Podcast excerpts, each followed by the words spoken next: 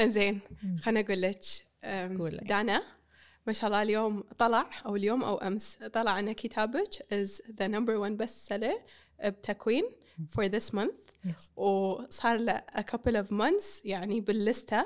وهو تو نازل بنوفمبر.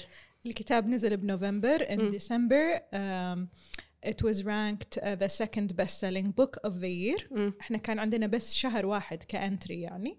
واليوم آه، نزل انه كان أفضل آه، رقم واحد أفضل كتاب يعني أفضل الكتب مبيعا ب 2024 شهر واحد 2024 شنو شعورك؟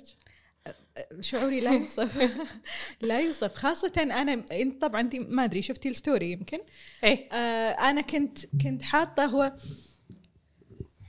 دائما الناس تفرح بالنجاح. مم. اي ايا كان النجاح سواء كان يعني على على أبسط المستويات أو أرفع المستويات. ولكن دائما في هذا النجاح إذا كان هذا النجاح سباق الناس اللي معاك بهذا المضمار هم يزيدون حق مصداقية نجاحك أنت. فأنا جزئية ان إن كتابي هو الأفضل آه، مبيعا منذ صدوره هذا بالنسبة لي يعني شرف ما كنت أحلم فيه. فأنا بالنسبة لي لما لما أشوف هذا النجاح وبعدين أشوف الأسماء اللي معاي بالقائمة أنا تصدرت القائمة كالمركز الأول في أفضل الكتب مبيعا لشهر واحد 2024 يليني مباشرة يعني كتاب نفس نوم تشومسكي إيلان بابي رضوى عاشور آه، عدنية شبلي اللي هي طبعا سوت ضجة بالفترة اللي طافت لأن سحبوا آه، اسمها من ال- الجائزة في آه، برلين طبعا هي كاتبة فلسطينية مم. آه كذلك آه واحدة من كلاسيكيات العالم العربي والخليج على وجه الخصوص اللي هي شقة الحرية حق غازي ال- القصيبي بالإضافة إلى سعود السنعوسي آه هو أحد يعني أشهر الكتاب في منطقة الخليج وفاز بجوائز عدة كوني ان ان إن كتاب ما لا يقال وهو إصدار أول لكاتب مرة أولى إنه. يتصدر هالقائمة يعني شعور لا يوصف هو هو فخر بنجاح الكتاب و واعتداد بهذا المجهود اللي اللي وصلنا إلى هذا المكان. وكذلك سعيدة يعني كان ودي أتلفت. وأقول آه، طبعا هم ما يعرفوني يعني بس ودي أقول لهم إن أنا ترى معاكم السباق آه، فهو يعني شعور حلو وبنفس الوقت كذلك يترجم الوقت اللي إحنا فيه. يعني أنت لما تشوفين قائمة أ- يعني أكثر الكتب مبيعا في آه، مدة زمنية معينة هي تعكس مو بس سلوكيات القارئ هي كذلك تعكس الزمان اللي إحنا فيه. لما يكون في أكثر من نصف الكتب اللي على القائمة آه، عن القضية الفلسطينية فهذا يعكس إن في آه، يعني آه، تعطش للمعرفة. الناس ودها إن هي لما تكون عندها آراء بخصوص هذه القضية إن هي تكون آراء مبنية على على. حقائق. نعم على حقائق على أدلة. وكذلك أنا بالنسبة لي أشوف إنه هو مؤشر ممتاز إن الناس آه، تبي تقرأ وتبي تتعلم سواء عشان يكون عندها حجة أفضل في النقاش أو عشان تحس ان هي جزء من هذا الحوار العالمي اللي قاعد يصير. يعني إن الواحد يكون في خضم حوار بهذا النوع في أقطاب العالم قاعدة تتصارع ويكون ما عنده أدنى دراية عن ال ال ال هذا التاريخ المتشعب والمعقد هي يعني هو نوع من أنواع الجهل المختار. فلما انت تيجين تشوفين إن أكثر من نصف الكتب بالقائمه تعنى بالقضية الفلسطينية فهذا مؤشر رائع. بالإضافة إلى الأسماء الأخرى آه، في القائمة يعني في نفس ما قلت أنا يعني رواية كلاسيكية نفس شقة الحرية نورمال لأن إحنا في بداية سنة الجديدة وعادة الناس ياخذون في بداية السنة آه، عهود على أنفسهم إن إحنا ودنا يكون عندنا آم، أطباع آه، جديدة وعادة القراءة والرياضة دائما في الصدارة في الأطباع الجديدة اللي الناس ودهم إيه. يتطبعون فيها. فدائما يكون في سؤال انه شنو يعني شنو تقترحون نقرأ؟ شقة الحرية من الكلاسيكيات ان إن الواحد يقرأها فكذلك نورمال إن هي تكون في شهر واحد. فبالنسبة لي أنا هو هذا الشيء يعني اللي اللي يسعدني ان أكون موجودا لأن في تفسير منطقي لوجود كل هذه الكتب عن فلسطين في تفسير منطقي لوجود آه، شقة الحرية وبالتأكيد في تفسير منطقي لوجود آه، يعني إصدار آه، الأخ سعود السنعوسي الجديد هو روائي فائق ورائع وهذا العمل يعقب انقطاع ففي تعطش لكن بالنسبة لي أنا أن أكون جزء من هذا الشيء فشفتي لما أحد يقولك بس فخر المشاركة يكفيني؟ إيه، إيه. أنا فخر تواجدي في المكتبة فقط يم كل هذه الأسماء بس أن أنا على الرف فقط يكفيني. فما بالك أن أكون من الأكثر مبيعا ثم أتصدر قائمة الأكثر مبيعا. فيعني شعور لا يوصف وأنا شاكرة جدا حق كل شخص ساهم. في هذا الشيء. وكل ما توصلني صورة حق أي من القراء اللي شارين الكتاب دائما أسألهم أنتوا وين؟ فيقولون لي مثلا إحنا في مصر إحنا في كردستان إحنا في بغداد إحنا في آه، عمان أو مسقط. فهذا الشيء وايد وايد يسعدني. شوفي أنا راح أقول لك برأيي المتواضع. نعم. ليش أنا أظن أنه هو من ال من ال يعني صار توب 1 بهالشهر دانا لأنه حسسني أن أنا مو بروحي بأفكاري. يعني أنت تكلمتي عن أشياء أنا أفكر فيها بيني وبين نفسي والحمد لله أن أنا عندي صداقات أقدر أتكلم عن هالمواضيع بأريحية. بس انت يعني خذيتيني برحلة مع تقريبا 300 سؤال اللي انت حاطتهم. أه وقلت لك أنا وصلت مرحلة إني حتى بالبيت أقراهم حق أمي الله يحفظها وحتى أمي يعني التحلى عرفت؟ أي والله العظيم تقول الله الله الله. وأقول لها ما شاء الله دانا so good with words يعني شوفي بعد في شغلة كنت بقولها إن أنا متعودة أقرأ الكتب بالإنجليزي يعني. فاول مرة مو يعني أول مرة أول كتاب عربي اقراه بس صار لي فترة صراحة طويلة مو كاتبته. وما شاء الله قاعدة أشوف ردة فعل ال social media عليه وقاعد يطلع لي وكذي. فتشوقت وكنت ما أدري يعني كلش يعني ما كان عندي فكرة شنو القصة شنو الخلفية مالت الكتاب. وشريته. ومن أول ما فتحته اللغة العربية فيها عمق. مو طبيعي. يعني بالإنجليزي الكلمات سمبل we've had this. بس يعني ماكو هذا الكلمات اللي انت استخدمتيها وأنا وايد حبيت إن هي باللغة العربية. لا يعني يعني لمتني. يعني أنا آه، بالنسبة لي ال ال يعني مجموعة القرارات اللي انت اتخذتيها إلى أن وصلتي إن انت تقرين الكتاب وتحطين هالكثر بوستت على الكتاب. آه بالنسبة لي آه هذا هذا الهدف. يعني آه، أنا تكلمت وايد بمقابلات سابقة عن فكرة الكتاب وشلون صدر وشلون الكل شارك فيه لكن بالنسبة لي كان ال ال على قولتهم the ultimate goal أو الهدف ال ال الأساسي أن يأتي قارئ لا يعرف شيء عن هذا الكتاب لا يعرف شيء عني لا يعرف شيء عن خلفية تكوين هذا الكتاب. و ويصير number 1 fan مثلي.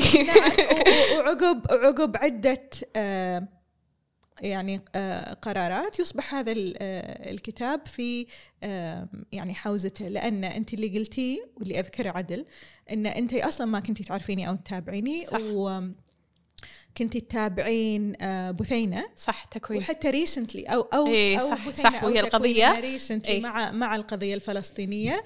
وشفتي آه، آه، إنه كان ثاني أفضل آه، كتاب مبيعا ب 2023 صح. شدك الغلاف. شريتي الكتاب. صح. أنا بالنسبة لي هذا هو الهدف الأسمى لأن صحيح أن أنا كان يعني رحلتي في تكوين الكتاب على ال social media كانت رحلة تفاعلية وفي الكثير اللي شارك منه. وهؤلاء الأشخاص هم كانوا الصف الأول يعني من القراء وأول ناس تهافتوا لشراء الكتاب. هذا أمر منطقي. ولكن أنه يصل الكتاب حق أشخاص ما يعرفونه بالنسبة لي هذا يعني هذا هو فعلا الهدف سواء الطريقة اللي حضرتك شفتي فيها الكتاب وعجبك وشريتيه أو الناس لما يشوفونه مثلا في معرض الكتاب أو بمكتبة يتصفحونه يقرون الخلفية يعني يشوفون كم سؤال يعجبهم يحسون حلو يمكن هذا شيء أقدر أقرأه ويشترونه وبعدين يكلموني. إيه. إحنا ما لقينا الكتاب. بالضبط. أنا بالنسبة لي هذا فعلا the ultimate goal لا لأنه يستاهل. صراحة صراحة يستاهل. ينن شكرا. آه شوي أنا بقول لك شيء. إحنا يعني آه انت سويتي أكثر من مقابلة. تكلمتي عن شلون طرحتي الكتاب والقص ال- الخلفية وكل هالأمور هذه. أنا بدش على طول. يعني أنت آه وراح أقول إن عندك مقابله رياض وعندك مقابلتك ويا في أروى. عدد, عدد. فبالضبط. إيه. ف يعني وحلوين المقابلات. أنا شفتهم لأن يعني صراحة يسوون إن الواحد يقول لنا شوفوهم لأن صدق خوش مقابلات. شكرا. فأنا يعني أنت شايفة أنا قلت لك؟ البوستت حلو نوعين. حلو هذا الشكل. البوستت يعجبني. نوعين. نعم. في نوع urgent and important يعني with يعني فسويتي في اي أنا حاطة تصفية. انهم ينسيوه إيه. عرفتي؟ في شيء أهم من الثاني. فيعني إحنا ومو شرط طبعا نخلص الأسئلة كلها بس آه، يعني نبدي ونشوف وين الحواري. آه، إذا تسمحين لي يعني شنو. كانت بالنسبة لك يعني آلية ال- الانتخاب وال والتفضيل في- إيه،. شوفي. خليني أقول لك في أشياء يعني في ال basics هو أي لون اللي أنت تعتبرينه الأكثر أهمية؟ لا هم الكبار والصغار ماكو آه الالوان الكبار كلهم والصغار الكبار الحين إيه، لأن أنا. شفت انه في عدة ألوان. فقلت إذا تصنيفين هالكثر ألوان شوية صعبة أوكي. فالكبير هو المهم والصغير أقل أهمية صح زين شنو اللي يخلي المهم مهم؟ في أشياء مرت علي آه، مرورها غير عن الأشياء الثانية يمكن مو لأن السؤال حيل عميق ولا لأن السؤال معقد ولا كذي بس حسيت فيه يمكن لأنه يمثل شيء أنا قاعدة أمر فيه الحين ولا مريت فيه آه، يعني فترة قريبة بس شعوره بسيط يعني ترى في أسئلة بسيطة أنا حطيتها آه، بس حسيت فيها وايد هو أنا ليش, اخترتها. ليش سألتك آه عن آلية التصنيف؟ آه لأن الأشياء اللي تخلي المهم مهم مم. تختلف من شخص لآخر. أكيد أكيد. و- ويتراوالي جزئية آه، إحساسك بالبداية آه، نفس ما قلتي إن الكتاب لمج أو حاسة إن هي بتعبير يعني آه، يختلف إن مثلا الكتاب يعني كان قراءته بالنسبة لك فيها شيء من الحميمية. آه، يتراوالي لأن كل واحد ممكن يلقى نفسه في هذه الأسئلة. لذلك التصنيفات اللي اللي حضرتك سويتيها إنه والله هذا مهم بالنسبة لي لأنه لمسني. آه، أنت حسيتيها على مستوى شخصي. فهذا هذا يتراوالي سبب انتشار الكتاب الواسع إنه ممكن أي شخص يلقى نفسه بال بالكتاب. فماكو فعليا سؤال هو الأكثر أهمية. صح. هو الأكثر أهمية آه، اعتمادا على القارئ. لذلك ممكن شخصين بنفس الوقت يقرون الكتاب ولو يسوون نفس طريقة التصنيف مالتك قد تختلف تماما. مية بالمية.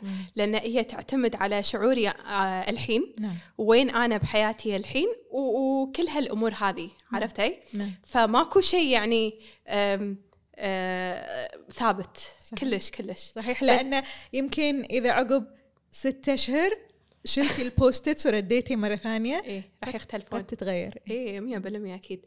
بس شوفي أنا كنت راح أبديها بال... بأول سؤال اللي أنت قلتيه يعني أو بداية ال... الأول شابتر اللي هي لماذا الأسئلة.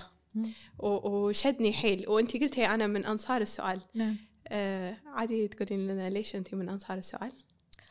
أم يعني أنا باعتقادي أم الإنسان آه، كمخلوق عقلاني.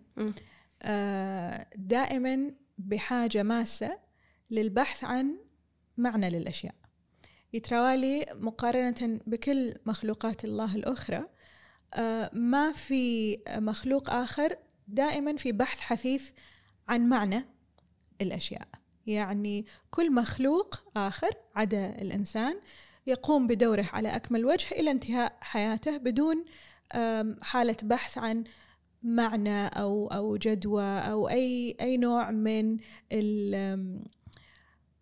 التفكر.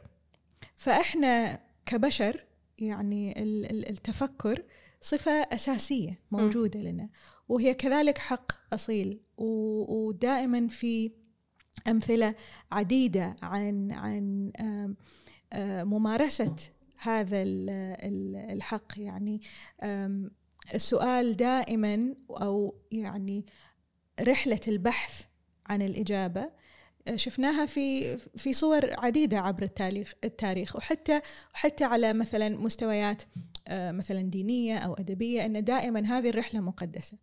آه، فبالنسبة لي أنا جزئية التساؤل هي هي يعني بمثابة إثبات للإنسان أنه هو موجود وأنه هو فاعل وأنه هو شريك في إيجاد معاني لحياته. فأنا بالنسبة لي أي حد يسلبني حقي في إني أتساءل أعتقد أنه هو راح يسلبني جزء كبير من من إنسانيتي. وإحنا لازم أو إحنا دائما نتغنى بكون إحنا نود أن نكون أحرار. ويتراوالي حرية التساؤل عن الأشياء هي أولى الحريات قبل حرية الاختيار. يعني دائما الناس لما يجون يتكلمون انه والله هذا إنسان يقولون هذا إنسان عاقل إنسان حر. فأنا عشان أكون إنسان عاقل وإنسان حر عشان أتأكد إن العقلانية والحرية عندي آه، موجودة ومتكافئة لازم اسال بس شوفي أنا عندي يعني انت تكلمتي عن رحلات التساؤل هذه. نعم. صعبة مو سهلة. صعبة و... فعلا مو سهلة. وساعات أقول حق نفسي يعني أنا أموت على التساؤلات وساعات كنا يعني سويتش يعني أبي أبي أطفيه. أي. أن رحلة التساؤلات هي صعبة مو سهلة.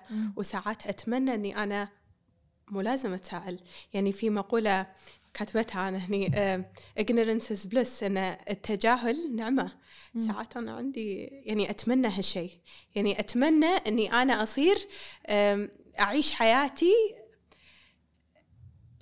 يعني ما أبي أقول حالي حال وايد ناس. أنا أحس يمكن لأن أنا ما أدري شنو قاعد يدور ببالهم. بس يعني أمشي بالتساهل بالسهله بدون ما أنا هو أتساءل و- جزئية لحظة. هو جزئية إن أنا أمشي بالتساهيل. شيء. مم. وجزئية إني أتساءل شيء ثاني آه يعني أنا بالنسبة لي لما أي أقول في ناس دائما تتساءل صح هو في ناس دائما تتساءل وهذا فعليا جزء من فطرة الإنسان شوفي الأطفال مم. وشوفي كم الأسئلة اللي يسألونها ونوعية الأسئلة اللي يسألونها ترى ترى الأطفال من سن صغير جدا يسألون أسئلة جدا عميقة. وفلسفيه ووجودية. إيه. إحنا إحنا ليش موجودين؟ آه إحنا شلون جينا؟ آه، اذا إذا مثلا صار يعني توفى أحد يسألون مثلا ليش إحنا إحنا نموت؟ آه مثلا فلان يدي أو يدتي مثلا توفى وشنو راح يصير بعدين؟ يسألون أسئلة كبيرة قد يع- يع- يعجز الآباء عن إجابتها أو يحاولون قدر الإمكان إنهم يجاوبونها بشكل يعني مقتضب وبسيط مراعاة لسن هذا الطفل وتلقين الطفل ما يقتنع وما يرضى فيبدي يكرر السؤال إنزين ليش؟ إنزين ليش؟ إنزين ليش؟ وهكذا. فمع مع مرور الوقت إحنا نبدي نلهب الحياة ويعني الدراسة المسؤوليات وهذا تبدي يعني تتلاشى هذه ال- الأسئلة وتحل محلها أسئلة ثانية اللي هي أس- الأسئلة الحياتية البسيطة اللي هي آه، شنو راح آكل شنو راح أشرب شلون راح أدفع فواتيري آه، شنو راح أشتغل شنو راح أسوي إلى أن تأتي مرحلة معينة والحياة تحدث لك. لأن أنا باعتقادي هذه مرحلة شنو ناكل شنو نشرب شنو نشتري وين بنروح شنو بنسوي هذه اللي هي الملهات الكبرى أو الأشياء اللي هي تلهي الواحد عن ما هو أكبر وأعظم إلى أن تأتي مرحلة وتضطر أن أنت تواجه ما هو أكبر وأعظم. أن أنت تمر تمر في خسارة فادحة أن أنت يموت لك شخص عزيز أن أنت يعني آه، آه، تواجه صعاب أكبر من طاقتك أكبر من قدرتك. أن أنت تشعر أن أنت يعني بمفردك في هذه الحياة تواجه هذه الحياة وصعابها بدون لا يكون عندك آه، القدر الكافي من ال- ال- المعونة أو السند. فأنت هني تبدي تتساءل.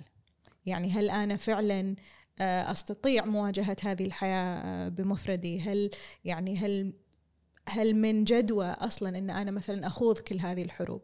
يعني أنت تين تقولين أنا ودي مثلا ما أسأل هذه الأسئلة.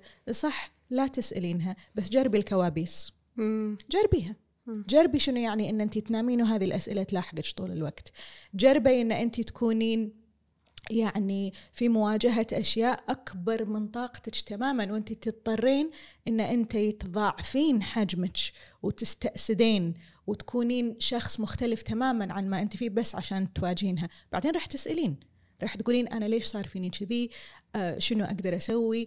ليش أصلا الحياة فيها هذا كله؟ راح تتسائلين عن الظلم راح تتسائلين عن الفقر راح تتسائلين عن الحزن راح تتسائلين عن الوحدة راح تتسائلين عن معنى الوجود عن كل شيء.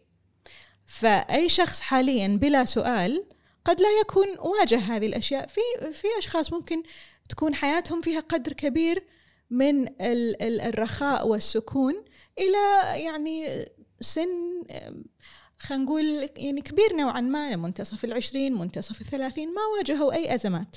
وفي ناس كانوا يعاصرون أزمات من طفولتهم. وهذا يختلف. نضجهم يختلف. نظرتهم للحياة تختلف طريقتهم في المتعة تختلف طريقتهم في التعبير عن أنفسهم تختلف تختلف بشكل جذري. لذلك جزئية أن أنا والله ممكن أختار أني أتساءل أو ما أختار ظاهريا إيه لكن حتى وانت قاعدة مع الناس تبتسمين وعادي وماكو شيء أكو شيء هني يشتغل طول الوقت. طول الوقت. وين بتروحين؟ وين بتروحين؟ يعني هو هو محاصرك وين بتروحين. فإما إن انت تواجهينه وتبدين شوي شوي تجاوبينه إما تخلينه يعني يفترس كيانك بالكامل. وفي وايد ناس راح تشوفينهم وتشوفين انهم ظل من نفسهم. A shadow of who, يعني who they used to be. they're no longer themselves. لأن they're consumed with questions. كلتهم الأسئلة. فأنا ما أبي الأسئلة تاكلني. أبي أجاوبها. دانا لقت الأجوبة حق لقت الأس... الأجوبة حق الأسئلة كلها ولا يعني ليه الحين بهال... بهالرحلة؟ اكشلي هذا السؤال موجود أنا إيه أنت حاطت يعني أنا كنت في واحدة سألتني قالت لي يعني هل لكل سؤال جواب؟ م. فقلت إيه في لكل سؤال جواب إيه بس يوجولي بس إيه؟ هل هي بالضرورة يعني إجابة شافية, شافية؟ صح يعني هل هي بالضرورة إجابة يعني تغنيك عن السؤال مرة أخرى؟ يعني كل سؤال صح كل سؤال له إجابة. بس في أسئلة آه، معينة تتم طول حياتك أيا كانت الإجابة ما ترضيك. فتتم في حالة أن أنت تحاول عن إجابة أخرى أو أن أنت ترضى على مضض. أنت مو وايد راضي بس ترضى على مضض لأن الأمور لازم تمشي. يعني هذه الحالة اللي أنت فيها الحين خلينا نقول. يعني في أسئلة أنا بالنسبة لي لقيت يعني أجوبتها وفي أسئلة أنا مستمتعة إني ما لقيت لها إجابة. بالنسبة لي ممتع. لأن الحين لما ألقى للسؤال جواب جاوبته خلاص انتهى. لكن في أسئلة أنا سعيدة بمحاصرتها لي تعني لي أقعد من النوم أدورها أحبها. ف مستمتعة بالرحلة بيسكلي بالتأكيد. بالتأكيد ما أعتقد راح أعرف نفسي بدونها إذا أنا كنت دائما في حالة آه الجهل المختار هذه أنت توك تقولين ignorance is a bliss م. يعني هذا النعيم ما أحب أفضل أفضل الشقاء اللي أنا فيه حاليا ترى أنا يعني يحسسني إني حية يحسسني إني موجودة يعني شوفي أنا أتمناه بس شنو اللي تمنينه؟ أن تبي إجنرنت أن إيه. أكون أن أعيش في هذا ليش؟ بس ما أدري أحس أريح. أريح؟ بس مو الواقع اللي أنا أنا قاعدة أشوف نفسي أنا أدور الاسئله ف عرفتي؟ وبالعكس أستمتع بالرحلة نفس الشيء. فيعني تعرفين لما هو شيء مو أنا بس يعني بعيد عني فيصير فيني شنو هناك؟ كنا شكله حلو؟ بس مو أنا بالأخير. ف يعني ما راح ما راح أتساءل ما راح أطمح إني يعني شلون أقولها؟ شوفي هي الأسئلة أنواع إيه؟ يعني في أسئلة نفس ما تفضلتي تو وشرحتي قلتي شنو هذا؟ م. يعني في أسئلة فضولية آه من باب من, من باب الرغبة ب ب بالتعرف على الجديد من باب الرغبة بالتجربة آه يعني هذا التطلع للحياة أمر جميل جدا وفي وفي أسئلة أخرى أكثر قسوة يعني اللي هي أسئلة يعني إلى متى مثلا؟ هذا هذا سؤال قاسي جدا لأن ما يعني مهما أحد أعطاك إجابة كل الإجابات مطاطية ومفتوحة. آه فنوع السؤال إذا كانت يعني أسئلة آه، مشوقة ولطيفة نفس أسئلة الفضول يعني هذه أخف وطأة من أسئلة أخرى نفس مثلا إلى متى؟ ليش أنا هني؟ أنا منو؟ هذه هم لها إيه. إجابات ليش أنا هني؟ أنا منو؟ دائما لها إجابات يعني قد تكون إجابات شغلها غير. نعم. شغلها غير. شغلها غير فهو كل يعني كل سؤال شنو وين يوديك وانت شلون تجاوبينه؟ وهل وهل أنت راضية بالإجابة ولا ولا مو راضية؟ وبعدين يتراوالي هذا شكل من أشكال تمرين النفس على الرضا. لأن حتى لو أنا توصلت إلى إجابة ما و, و ما رضيت فيها ولكن أنا مضطرة إلى أن أرضى فهي في يعني ممارسة لتطويع النفس يعني تهذيب النفس وأنا باعتقادي هذا مهم. بروح حق واحد من الأسئلة اللي كتبتيها هني. بس هو كيف يتعرف الإنسان على نفسه؟ أنت كاتبة الإجابة آه، عشان الناس تشتري الكتاب وتقراها. بس أنا راح أسألك ليش الواحد بنظرتك مهم إنه يتعرف على نفسه؟ لأن لما ما يعني شوفي لما الواحد ما يتعرف على نفسه أو ما يعرف نفسه يجد نفسه يعني عبارة عن نسخة من الآخرين. وقد يقبل الشخص أنه يكون نسخة من الآخرين لأن إحنا عندنا الحاجة الأساسية والرئيسية في تكويننا هي حاجتنا للانتماء. وللانتماء لل... لل... للآخر الانتماء للأسرة الانتماء للعائلة الانتماء للوطن هذا أمر جميل جدا لأن بدونه أنت تحس أن أنت وحيد وخارج عن ال... يعني عن المحيط. وما حد يبي يكون لا منتمي. يعني انت تبي تنتمي لنفسك تبي تنتمي لجماعتك لوطنك لكل هذه الأمور. لكن هم انت تخاف ان انت تكون نسخة مطابقة لكل شخص آخر فتختفي ملامحك. فهذا كذلك نوع من أنواع الاختفاء. فأنت تختفي. لما يكون مالك صوت يخصك أو أفكار تخصك أو موقف يخصك تذوب تماما. هذا الذوبان حتى لو كان مطمئن هو في الوجه الآخر مخيف لأن من أنا؟ لا صوت لي لا لا وجود لي فأنا أختفي تماما في هذا النسيج. آه، ممكن إن الناس يتقبلون هذا الشيء لفترة معينة إلى أن يأتي يوم من الأيام يحس إن أنا ما عندي أفكار تخصني ما عندي آراء تخصني ما عندي مواقف تخصني فيبدي يحاول يتعرف على نفسه. يعني ما في ما في طفل آه يأتي ويقول يلا أنا عطوني المنهج شلون أكون نفسي وشخصيتي. وأصلا ما في أم عندها هذا المنهج. يعني معظم الأشياء معظم الدروس تأتي بالصدفة وبالممارسة بالتجربة والخطأ. لذلك أنا بالنسبة لي الحق الثاني اللي دائما أطالب فيه عقب حق السؤال هو حق الخطأ.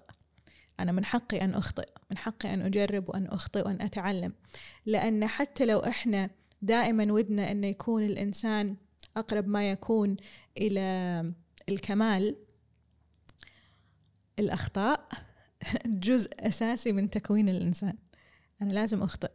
ولازم أتعلم من خطئي لأن هذا يعني هذا النوع من التعلم تجربة ذاتية لا يمكن تلقينها. وحتى إذا لقنتها لطفل ما آه يعني لابد له أن يتمرد عليها لأن وده اللي توج قلتي ودي أعرف أنا شنو هناك أبي أعرف أبي أشوف أبي أجرب.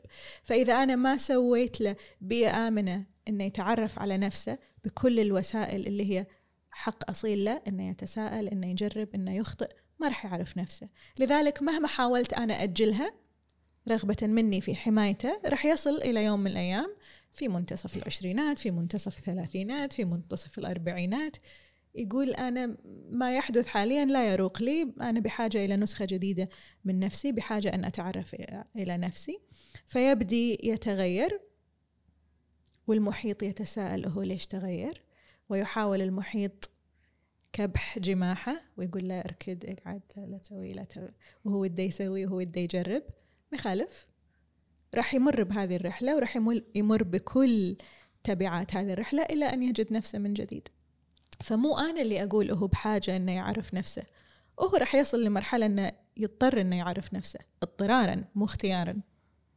في شغلة أنا سامعتها ووايد ذكرتني يعني وأنت قاعدة تتكلمين ذكرتها. سمعت بس بقولها بالإنجليزي وبهذا. when authenticity is against belonging belonging always wins. أنا لما أن أنا أكون على سجيتي أه مقابل أني أنا أكون أنتمي إلى فكرة إلى جماعة إلى إلى إلى الانتماء دائما يفوز على إني أنا أكون على سجيتي. ف على المدى الطويل؟ هو ما تكلم عنه عن المدى الطويل ولا يعني هذا قاصرة لأنها. وأنا أحسها. هو يتروالي في في في الخيار الآني اللحظي. هل أنا أكون مختلف أم أنتمي؟ الإجابة اللي دائما نابعة من خوف هي أنتمي. صح. فأنت دائما في حالة مساومة يعني طوال الوقت. هل أكون نفسي أم أنتمي؟ هل أكون نفسي أم أنتمي؟ فهذه هي مساومات الانتماء ممكن تمتد عمر.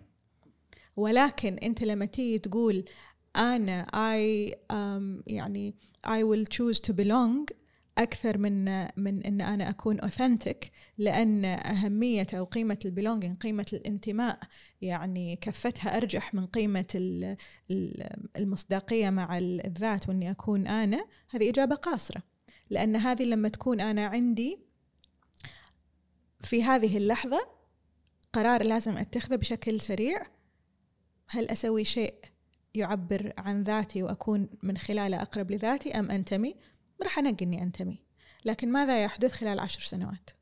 ماذا يحدث خلال عشرين سنة؟ ماذا يحدث خلال العمر؟ وبعدين في ناس ممكن وهم على يعني مشارف النهاية يقولون يا ريتنا كنا أقرب لنفسنا من أن إحنا ساومنا بهذا الشكل.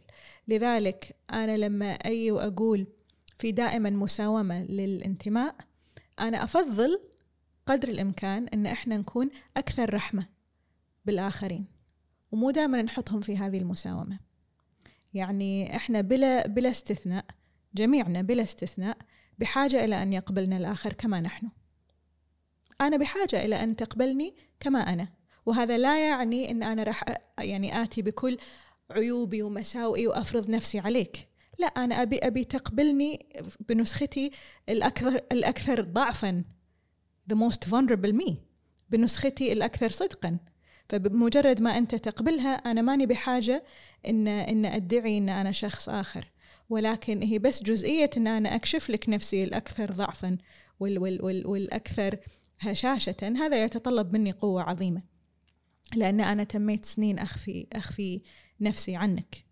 وسمتايمز أخفي نفسي عن نفسي كذلك. فأنا ما أدري منو اللي قال هذه المقولة بس قد يكون هو حاطها في سياق آه، معين آه، محكوم بوقت. لكن على مر الأزمنة جميع الأزمنة اللي يتضح أنه هو في نهاية المطاف دائما الإنسان يسعى أنه هو يكون أقرب لذاته ويتمنى أن محيطه يقبله. وإن لم يقبل محيطه يروح لمحيط آخر أكثر أكثر تسامحا وأكثر تصالحا. لكن الأجدى أن محيطنا إحنا اللي تربطنا فيه آه علاقات عاطفية ودم وتاريخ مشترك إنه يقبلنا. فخل خل كلنا نعمل على هذا الشيء أكثر من جزئية إنه خلاص خل أبدل محيطي. لأن أنت وأنت قاعدة تقولين أنا قاعد اطبقها على قرار البودكاست نفسه. برا الأنتمي. بس أنا عرفتي؟ يعني أنا أسوي هال آه، يعني ما راح أقول مقابلات أنا احسها نقاشات أو حديث أو هذا. تكون مصورة. لا أنت أنت أنت عندك شجاعة منقطعة النظير. أنت الحلقة الأولى كانت مع والدتك. لا لا أنا من صدقي. إيه. ال ال ال الحوار اللي اللي حضرتك والوالدة قمتوا فيه آه، يتطلب شجاعة منقطعة النظير. في ناس ما عندها استعداد تتكلم عن هذه المشاعر أمام المرآة. وأنتم تكلمتوا فيها أمام آلاف مؤلفة من البشر. وموجودة. موجودة. it's not going anywhere. ف ولكن انت في لحظات معينة في هذا الحوار كنت تقولين انت كنت تنسين إنه في كاميرا. لأن جزئية إن أنتوا تاخذون هذه الرحلة مع بعض وتآزرون بعض في في في تفكيك الألم اللي مريتوا فيه. إن أنتم تداوون بعض إن أنتم تطبطبون على بعض بهذا الشكل. في في قدر كبير من الشجاعة. في ناس ممكن يتمون سنين من حياتهم ما عندهم الجرأة على مواجهة آلامهم أو مواساة الآخر. إنه إنه يطالع بعيونه ويقول له أنا أدري إن أنت متألم. مشكورة. عفوا. uh, بس وأنا قلتها بالهذا courage is uh, not the absence of fear. But rather the judgment that something else is more important than fear. Yeah. بعدين يقول the brave do not live forever but the cautious do not live at all. والشجاعة هي مواجهة الخوف يعني بالأخير. و- و- وأنا كلها أخاف. ترى أنا قبل كل حلقة أخاف. أنا بعد كل حلقة. والله فعلا. بس أحاول أقول حق نفسي الخوف مو الشيء اللي راح يوقفني. لأن إيماني بأهمية هالحلقة أهم من الخوف.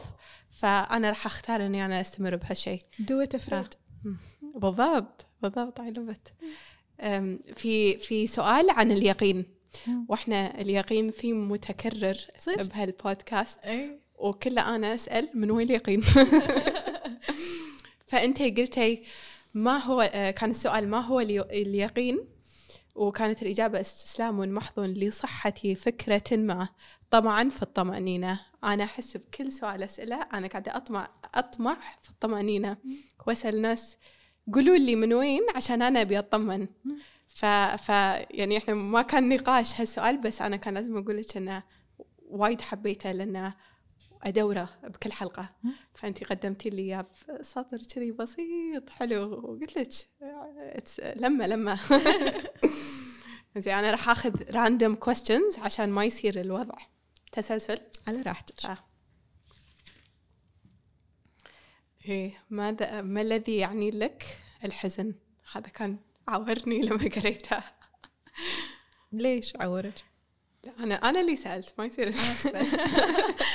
لا تغشن وياك عادي كله. آه شوفي أنا الناس عادة لما كانت تسأل هذه ال- الأسئلة كانت دائما تبحث في إجابتي عن شيء يؤكد شعورها. آه شفتي لما توك تقولين أنا دائما كنت أسأل عشان يعني ليطمئن قلبي. ف في في أسئلة كانت تأتي مو بحثا عن والله الإجابة النموذجية أو بحثا عن حل. في ناس بس تبي تبحث عن ال- ال- المؤازرة وال- وال- والمشاركة. آه ماذا يعني لك الحزن أو ما هو ال- الحزن؟ يعني أنا أعرف الحزن حق المعرفة أعرفه عدل. ولكن في أشخاص معينين لما يحسون بالحزن يحسون بالوحدة. لأن ال- ال- الحزن أو ال- أن أنت تمر بشيء آه، يحزنك لدرجة تشعر أن أنت يعني تفقد نفسك وتشعر بوحدة شديدة وعزلة. يعني it's an isolating feeling. يحسون أن هم بروحهم. ف وانتي اسم يور بودكاست منت بروحك إحنا سوينا؟ ويتراوالي ويتراوالي هذه التسمية منت بروحك جاية من من من مكان إن من حزني. جاية من حزنك لأن لأن كأن في كأن في يعني خارطة آه، للأحزان وكل واحد فينا يحس إنه هو في مكانه آه، على قولتهم no man's land يعني أنا هني بروحي وما في أي أي شخص آخر. يذبح هذا كان بروحه ألم غير الألم نفسه. بالضبط. فأنا فأنا أنا قلت بالبداية أنا أعرف الحزن حق المعرفة لأن أنا يعني أخذت آه، يعني نصيبي من الأحزان في الحياة. وكذلك كنت في وقتها أعتقد أن ما في أحد ينافسني في حزني. هم في في هم في هذه جزئية ال ال ال ال ال التشدق بال بالدراما مالت. ما في حزن يرقى لحزني ما في ألم أكبر من من ألمي. الناس الناس يحسون بهذا الشيء. ولا محور الكون. نعم. لا مو لأن أنت محور الكون لأن أنت لأن أنت تعتقد أن أنت معزول عن الكون. إيه يعني ما هي جزئية المحرو المحورية قدر ما هي جزئية ال الانفصال عن كل شيء آخر. بالضبط سوري بس ما قاطعش بس أنا, أنا لما أكون منغمسة فيها ما أقدر أفكر بأي شيء ما ثاني. تقدرين تفكرين بأي شيء ثاني وما تقدرين تتخيلين إن في أي أحد ثاني ممكن يحس بهذا الإحساس لأنه هو إحساس مهول مهول أكبر منك.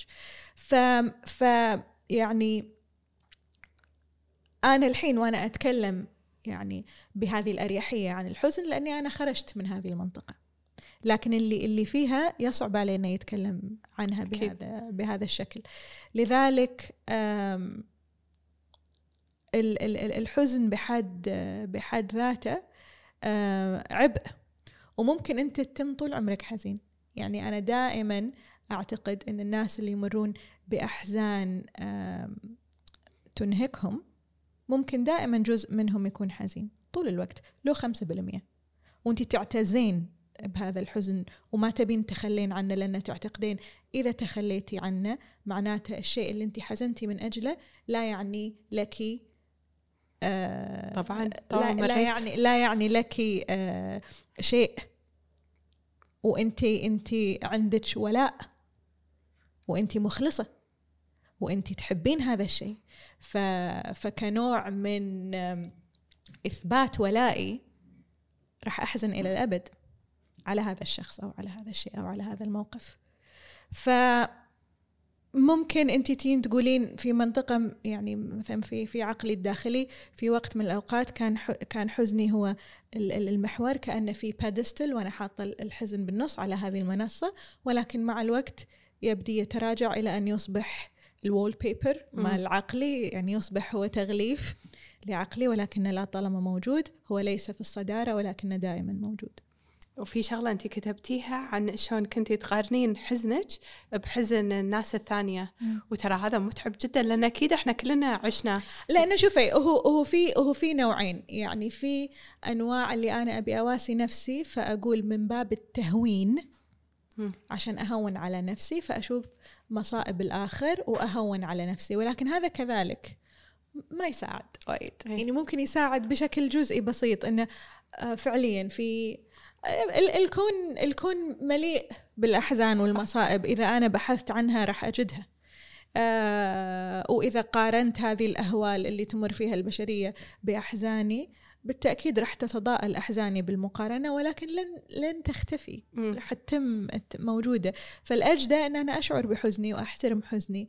آه، ممكن أنا أنا شخصيا ممكن أحاول أمنطق حزني وأبحث عن تفسيرات منطقية لا وأعتقد أن في ممارسات معينة أسويها راح تخفف منه. راح أسوي كل هذا. أنا إنسانة مجتهدة وراح أسوي كل شيء أقدر عليه.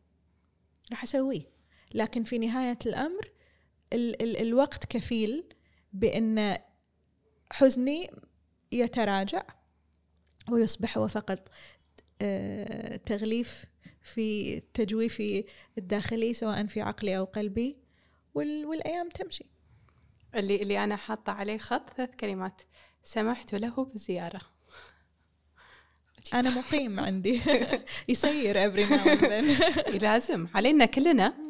أه بس يعني حتى مثلا توني قريت شغلة إن لما أنا لما أنا أشوف يعني الظروف اللي الناس تمر فيها حول العالم أنت قلتي الحزن موجود وطول عمره موجود آه، على زمن البشرية كلها نعم. قالت أنا ما أقدر أعطي آه، سمتها joy and and نسيت الكلمتين الثانيين نعم. بس أنا لازم ألقى هالشيء حق نفسي عشان أوفره حق الناس الثانية. فلما أنا أشوف اللي اللي آه، غيري قاعد يمر فيه وبس اي ريفلكتد علي أنا بهالحالة يعني أنا ما راح أساعد بأي طريقة. يعني هم بظروفهم عرفتي شخص آه، شنو أقصد؟ فأفكر بهالهذا دائما يعني الأكسجين ماسك نظرية الأكسجين ماسك. إن أنا أحتاج إني أنا أحط بالي على نفسي وبهالحالة أوفر هالشيء حق الناس الثانية. أوكي نروح حق الإجابة شنو يقول آه، محمود درويش؟ وأنت تخوض حروبك لا تنسى من يطلبون السلام. فيعني أنا يعني أنا كذلك آه، بالنسبة لي يعني أقيسها على مستوى شخصي. إذا أنا كنت في في حروب في داخلي ولكن في آخرين من حواليني يطلبون السلام فأنا لازم أكون في حالة سلام داخلي عشان أقدر أتعايش مع هذه أنا ما أقدر دائما أي أنا وأحزاني وحروبي ومشاكلي وأثقلهم فيها طول الوقت. هو صح المساندة والمؤازرة مطلوبة وأن الناس حواليني لازم يكونون يعني support system حقي صح؟ ولكن لازم أساعد نفسي. إن أنا دائما أطلب منهم انهم يفسحون المجال. شن هذه الطاولة؟ والناس اللي بحياتي كل واحد جاي ويبي يجيب شيء من من من حياته. شيء يعني هو بالنسبة له يعني له الكثير قد تكون أفراحه إنجازاته نجاحاته أحلامه ويبي يحطها معي على الطاولة وأنا كل مرة أي وأنفض كل شيء على الطاولة وأحط حزني. مرة مرتين ثلاثة الطاولة راح تفضى. راح يشيلون يشيلون أشيائهم ويروحون. لأن ما يصير أنا دائما أطالب الجميع ب, ب, ب يعني احترام أحزاني ومواجعي وآلامي وإنهم يتركون كل شيء ويحطون لها كل كل اعتبار. زين هم كذلك عندهم أشياء بالحياة يبون يحطونها على الطاولة ويشاركوني فيها. لذلك الأجدى إن أنا أي وأحاول قدر الإمكان إن أنا يعني أعالج نفسي وأساعد نفسي ولما أي أحط شيء على هذه الطاولة أتأكد انه في سعة له في مكان له أو إن ما أفرضه على الجميع أحاول إني أعالجه في منطقة أخرى وأي وأنا حاضرة وواعية وجاهزة إن يكون عندي ما يقبل المشاركة دون أن يعرض الجميع لأحمال لا طاقة لهم بها يعني. شوفي أنا هذا الشيء تعلمته توه بالفترة الأخيرة مع صديقاتي أن إذا أنا قاعدة أمر بشيء قبل لا أفتح السالفة أقول لها عندك المساحة العاطفية ولا لا؟ وايد فرقت. وايد مهم. وحتى لما هي تسالني ساعات أنا ما في حرج إن هي تقول لا. بالضبط بالضبط. ساعات هو ترى مثل القلاص ساعات أنا القلاص عندي اليوم مفول ما أقدر أتحمل إنك تحطين شيء واحد زيادة. باكر أقدر أنا أتنفس و... وأسوي لي يعني يعني I take care of myself وهذا وأرد لك وأقول لك بس اليوم أنا ما أقدر من كذي التدوين مهم م.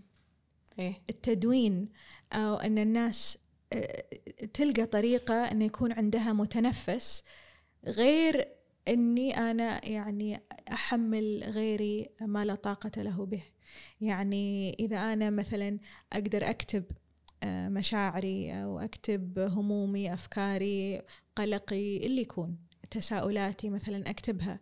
آه، ايا كان المتنفس مالي إذا في ناس يحبون يمشون يروحون يمشون وفعليا يحسون وهم يمشون إن هذه الأفكار تتساقط معاهم أو يحسون إنهم يقدرون يتنفسون. في ناس يحبون ياخذون سيارة يسوقون. يعني آه، مساحات آه، مفتوحة ايا كانت الطريقة اللي أنت تجد فيها متنفس ال ال ال الرياضة آه ال ال ال الرسم أي شكل من أشكال الفنون يعني الصلاة الصلاة الدعاء التعبد التأمل في طرق كثيرة أكثر من أن أنا ألقي بأحمالي على الآخر. آه وهذه مهمة كذلك لأن هي جزء من من مسؤوليتك. أنت ما يصير دائما تتنصل من مسؤولية التشافي وتطالب الآخر بأن يسعدك أو يونسك أو يساعدك أو يشافيك أو يفهمك بدون لا تشرح أو يعرفها وهي طايرة. يعني هذا عبء كبير جدا ومنفر. يعني أنت مسؤول أنت مسؤول عن نفسك مسؤول عن مشاعرك مسؤول عن عن إن أنت تستطيع إن أنت تفكك هذا كله. وإن لم تستطع فلك أن تلجأ للمختصين. آه ولا ضير في ذلك إن أنت تروح حق آه أطباء آه نفسيين إن أنت تروح حق لايف كوتش إن أنت يكون عندك آه مرجعية معينة آه تطلب منها المعونة يعني بالعكس وتستشيرها في أشياء. كل هذه الأشياء متاحة لك لكن جزئية إن أنا إن لم يستطع الآخر سواء كان صديق سواء كان زوج سواء كان والدين إن لم يستطيعوا أنهم يحملون كل أعبائي إذا هم يعني غير جديرين بالبقاء في حياتي. فأنا إما أن تحمل جميع أعبائي كما هي أو أن أنت غير جدير بأن تكون في حياتي فهذا شكل من أشكال الأنانية. ونرجع حق سؤال آه، أهمية أن أنا أعرف نفسي. لأن إذا أنا عرفت نفسي أنا راح أدري راح أكون أقرب يعني خلينا نقول التدوين وكل هالأمور هذه كلها. أعرف نفسي بمحاسني وعيوبي. اي وراح أعرف شنو أنا أحتاج. وأعرف عيوبي بعد ما يخالف يعني هم الواحد يقول يعني كل واحد عند عند نفسه إنه هو هو إنسان رائع وعظيم ولكن الآخر لا يفهمه. قد قد تكون فعليا رائع وعظيم ولكن أنت هم كذلك في أشياء معينة بالنسبة لك تحتاج إلى تقويم تحتاج إلى تحسين يعني أنت لازم تنظر للمناطق المعينة اللي هي قابلة للتحسين ويكون عندك الشجاعه الكافية إن أنت تواجه نفسك فيها وتحسنها ومو كل مرة أحد يحاول من باب محبة من باب نصح أو حتى لما شخص يبي يقول لك يعني كلمة أخيرة قبل يترك مكانه في حياتك ويمشي إنه يا فلان أنت ترى كذا كذا كذا راجع نفسك لا تأخذك العزة بالإثم. واجه نفسك وقول فعليا أنا فعليا مثلا شخص آه، متطلب أنا فعليا شخص كنت في فترة من فترات حياتي منفر كنت يعني صعب يعني متعنت سوداوي أيا كان. لازم أني أشوف أن هذا الشيء فعليا فيني وأواجه نفسي وأصلحه وأطلب ال- ال- السماح من الآخر وأطلب فرصة ثانية. وأروض نفسي وأهذب نفسي وأشوف أنا شنو أقدر أسوي وأساعد نفسي وأخذ هذه المسؤولية وأسويها بروحي. وإذا ما قدرت بروحي أسويها مع شخص مختص. وإلا فعليا هذه الطاولة راح تكون فاضية ما حد راح يقعد معك فيها. أنا وياك مية بالمية. أم، ب- قبل لا ننتقل حق السؤال ال- اللي اللي حطه عنده علامة بس في شغلة بقولها عن أن أه، لما كنا قاعد نتكلم عن موضوع أن يعني أنا أقدم أحسن ما عندي وأحاول أني أنا أدور السعادة على الرغم من اللي قاعد يصير. طلع على بالي توا أنا اللي قاعد يصير مع القضية الفلسطينية وكذي وأحس أنه ما أبي أقول إن إن لا بس إحنا لازم نهتم بروحنا وهذا وكذي. يعني أم، لأن لأن هم في نوع من الذنب و- وأنا أحس إن هذا كلنا إحنا قاعد نمر فيه ومرينا فيه وما زلنا نمر فيه. ذنب تجاه القضية الفلسطينية. آه إن إحنا عايشين حياتنا وعادي وأنا قاعدة أصور حلقة وكل هالأمور هذه كلها وهم يعني آه في حرب يعني. إي هذا الذنب نوعين. إيه إما ذنب النجاة. امم إيه survivor's guilt survivor's guilt إيه. أو ذنب العجز. بالضبط. وهم ذنبين هذول موجودين وأنا أظن موجودين عند يعني شفنا عند البشرية. جمعاء يعني عند البشرية جمعاء يعني مو عند كل شخص عنده ضمير موجود هذا ال- الذنب لأن إحنا مو في سدة القرار. يعني وحتى حتى من هم في سدة القرار ال- المسألة كذلك ليست فقط قرار أنا ما أقدر أقرر السلام. بالضبط كان بخت إيه،.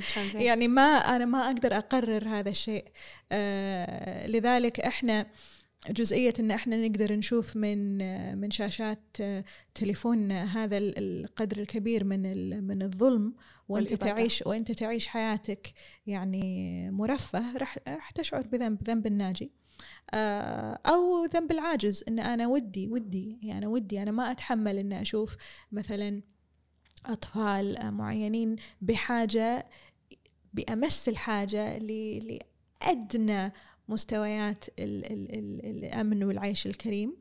وودي أقدر أسوي شيء بس أنا ما أقدر يعني قدراتي محدودة فأنت دائما تعيش في هذا الصراع. آه، وأنا هذه صارت فيني.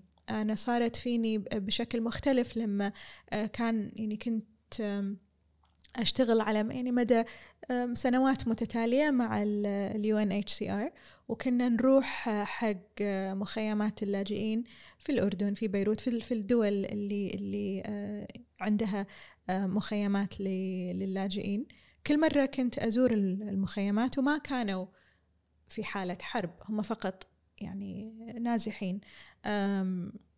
يعني هربوا من من حروب في دولهم أو كوارث في دولهم وهم حاليا في مأمن ولكن في خيام لما لما نقوم بأي زيارة بأي نوع حتى لو كان فيها شيء من المواساة والمساعدة ونشوف الأطفال وكذي لما لما أرجع أكون مثقلة ذد جدا آه، بسؤال ليش مو أنا؟ ليش مو أنا؟ لأن إحنا انت انت يمكن أصغر بس إحنا عاصرنا هذا الشيء إحنا مرينا بحرب. وكان يعني يعني آه، من الممكن جدا إن إحنا نتعرض لظروف من هذا النوع. يعني فال فال فالفارق هني إن أنت ممكن تكون فقط أكثر حظا. بالضبط. وهذا بحد ذاته تذبح. نعم. هذا بحد ذاته أمر يعني صعب إن أنت يعني تاخذه كذي بسهولة. فأنت لما تكون في مواجهة هذا النوع من من الظروف آه، صح تكون ممتن لحياتك ولكن كذلك تشعر بال- بالذنب.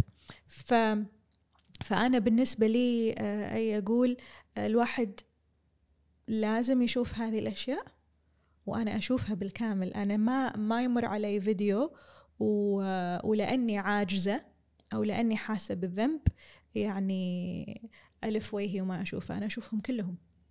أشوفهم كلهم بلا استثناء. آه، حتى لو كانوا مؤلمين حتى لو كانوا بشعين بس أشوفهم لأن لازم أذكر نفسي أن كل إنسان معرض لهذا الشيء. وإذا ما يقدر يقدم ما يرفع الألم عن هذا الشخص على الأقل يعيشه. حتى لو من خلال شاشة. على الأقل يعيشه. أنا قاعدة أسوي كل اللي أقدر عليه عشان أساعد ولكن أنا إنسان بسيط وقدراتي محدودة جدا جدا جدا. ولكن أقل شيء إن أنا على الأقل قلبي يتم رهيف. يعني ما أبي ما أبي أعود قلبي على على اللامبالاة. أنا بالنسبة لي اللامبالاة شيء خطير على كل الأصعدة. يعني بمجرد ما تتسرب اللامبالاة للشخص و و و ويقدر يهز كتفه ويمشي عن أي شيء بالدنيا بالنسبة لي هو يبدي يصل إلى التبلد.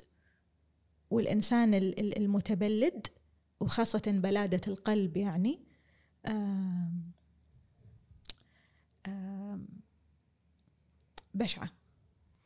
شوي أنا راح يكون ردي عليك. بشغلة سمعتها بفيديو بإنستغرام. كان حق آه، أظن اسمه دكتور عمر سليمان. كان قاعد يقول إن في ناس يعني هو يتحدث عن القضية وايد بأمريكا وكذي. فواحدة من الأسئلة جتنا إن إحنا شلون إن إحنا مفروض إن إحنا نعيش حياتنا. ب يعني كنا ماكو شيء صاير. وإحنا قاعد نشوف الأحداث اللي صايرة. كان يقول إنه وسبحان الله النقاش هذا والسؤال هذا أحد من من غزة سمعه وكان يا رد من هالشخص إنه وصلوه حق دكتور آه، عمر. ابي يربونا حتى وهم في الحرب. قال قال من من حقنا عليكم أن نفرح لفرحكم ومن آه ومن حق حقكم علينا أن تذكرونا حتى بفرحكم. قطعتني الإجابة. يعني هم هم يعني آه، نموذج يعني لا يعلى عليه في في الإنسانية وال- والأخلاق. يعني هم ناس يعني رائعين وأتمنى أن يأتي يوم على الأقل يعني نشوفه ونكون أحياء أنهم يكونون آه، أحرار. لكن إلى أن يحين ذلك اليوم دائما راح أحاول قدر الإمكان أن أحس ولو بجزء مما يشعرون به ولو عبر الشاشة عشان أكون معاهم. آه، دانا تكلمتي عن الألم. والثلاث أسئلة اللي تحت بعض أنا كلهم حاطة تحتهم علامات. كتبتي عن آه، كيف نتخطى الألم؟ وبعدين آه، كتبتي نصنع من الألم يعني هذه الأسئلة آه، نصنع من الألم قوة دائما والوقت كفيل بتحويل نهايات كل قصصنا إلى نهايات سعيدة. أنا هذه كانت الأسئلة مو أجوبتي. إيه إيه الأسئلة أنا أجوبتي ما تكون إيه، كذي لا لا لا لا. كنت قاعدة أقول إن إيه، هذا إيه. بس أنا قريتهم كلهم. مم. لأن يعني باخذك فيهم كذي حبة واحدة. يلا. أم، فعلا ال- ال- الألم مو كل مرة يصنع قوة. لا. إيه. قولي لنا يعني أنا أفهم أفهم تماما ليش الناس آه، خاصة اللي دائما في حالة بحث دائم عن التحفيز آه، أنهم يقولون أشياء من هذا النوع أن الألم يصنع قوة وأن الرصاصة التي لا تقتلك تجعل منك شخص أكثر قوة وكل هذه الأمور. أفهم فكرة التحفيز لكن فكرة التحفيز مو واقعية. لأن الرصاصة التي لا تقتلك قد تصيبك بعاهة مستديمة. وال والألم مو دائما يصنع منك شخص قوي ممكن يصنع منك شخص متردد شكاك ساخر شخص يعني ضعيف. فلا مو بالضرورة الألم يصنع هذا الشيء. وليش أنا دائما لازم أتجرع كؤوس الألم كلها عشان أصبح شخص قوي؟ لا مو بالضرورة. ممكن ناس يكونون أقوياء ومعتدين بأنفسهم وعندهم ثقة بالنفس وهم ما مروا بأي شيء من الآلام بالعكس مروا بالحب والحنان والدعم وال وال والرفاهية وكل هذه الأمور وأصبحوا أشخاص أقوياء. يعني هو القوة لا تشترط الألم. وعلى ذلك ال ال ال الألم لا يعد بالضرورة أن أنا عقب ما أنت تمر في هذا الألم أنت راح تصبح شخص قوي. هذه النتيجة تعتمد 100% على الشخص نفسه. صح. على الشخص نفسه. وياك. هذا هذا الشخص مر بهذا الألم. هل يعني هل هو عقب ما مر فيه يبي يطلع من من هذا الألم شخص أقوى؟ ولا هو اغلبه الألم؟ وعادي إن إحنا ننغلب. مو لازم أنا طول الوقت أكون البطل الهمام. مم يحدث إنه يغلبني الألم وإنه يكسرني وإنه أتم أنا. أشهر ما أقدر يعني أمارس حياتي بشكل طبيعي أو أو دائما عندي يعني آه، ندبة آه، أتحسسها كل ما صار أبسط آه، موقف يعني. ف فبالنسبة لي هذه هذه الوعود من باب التحفيز عشان الواحد يعني يحس إن ال- ال- القادم أجمل أفهمها. بس هي مو بالضروره حقيقية. و- وجزئية ال- ال- ال- ال- القوة والتشافي تعتمد نفس ما كنا في بداية نقاشنا تعتمد بشكل كبير على الشخص نفسه. ف يعني أنا ما أحب إني أقدم وعود. أنا أنا حبيت أحب- هالشيء وايد ترى أحب- بالكذب ما أحب إني حبيت حبيت. لا حق نفسي ولا حق أي. الآخر. ما أحب. يعني أحب أن نكون قدر الإمكان أقرب ما يكون للحقيقة لأن أنا بالنسبة لي الحقيقة ولو كانت مرة ال- ال- الأوهام أشد مرارة. ما أبي أتوهم ولا أبي أحد يوهمني بشيء أنا ما أحب ما أحب ال ال ال ال ال ال ال الجرعات اللي الواحد يأخذها بس عشان يحس ب ب بسعادة مؤقتة يعني جرعات الوهم هذه ما أحبها. أنا حتى البنج ما أحبها. ما أحب أنا ساعات. ضروري. وساعات ضروري بالتأكيد. ولكن في نهاية الأمر ما أبي أعيش حياتي مبنجة. ما أنت يعني على قولتهم آه يعني صح life is painful بس as long as you're feeling pain you're alive. اي بس ساعات لأن once once you don't feel pain at all chances are you flatlined يعني. فأنا ال- بالنسبة لي أعتقد أن هذا هذه ال ال ال الآلام اللي أنا أحس فيها وقاعد أحس فيها تعني أن أنا عندي شعور معين عندي إحساس معين لما أتبلد وما أحس بولا شيء. لما أفقد تماما إحساسي بالأشياء. و... و... يعني شفتي لما مثلا واحد إيده تنمل أو ريله تنمل ويقوم يطيح. فهني يعني انت لما أنا شعوري كله يتبلد وأنمل من الداخل تماما هل أنا حية فعلا؟ فأنا يعني فبالنسبة لي لا أنا ما أبي أكون مبنجة وأعيش حياتي آه، يعني في حالة هرب دائم. فمن كذي الناس يعني لما يون يكون عندهم يمرون بقدر كبير من الآلام أو عندهم أشياء مخاوف آه، صعاب مسؤوليات يبون يهربون منها يلجؤون إلى يعني طرق آه، آه، لل- للهروب من ال- ال- ال- الألم اللي هي ال substance abuse مم.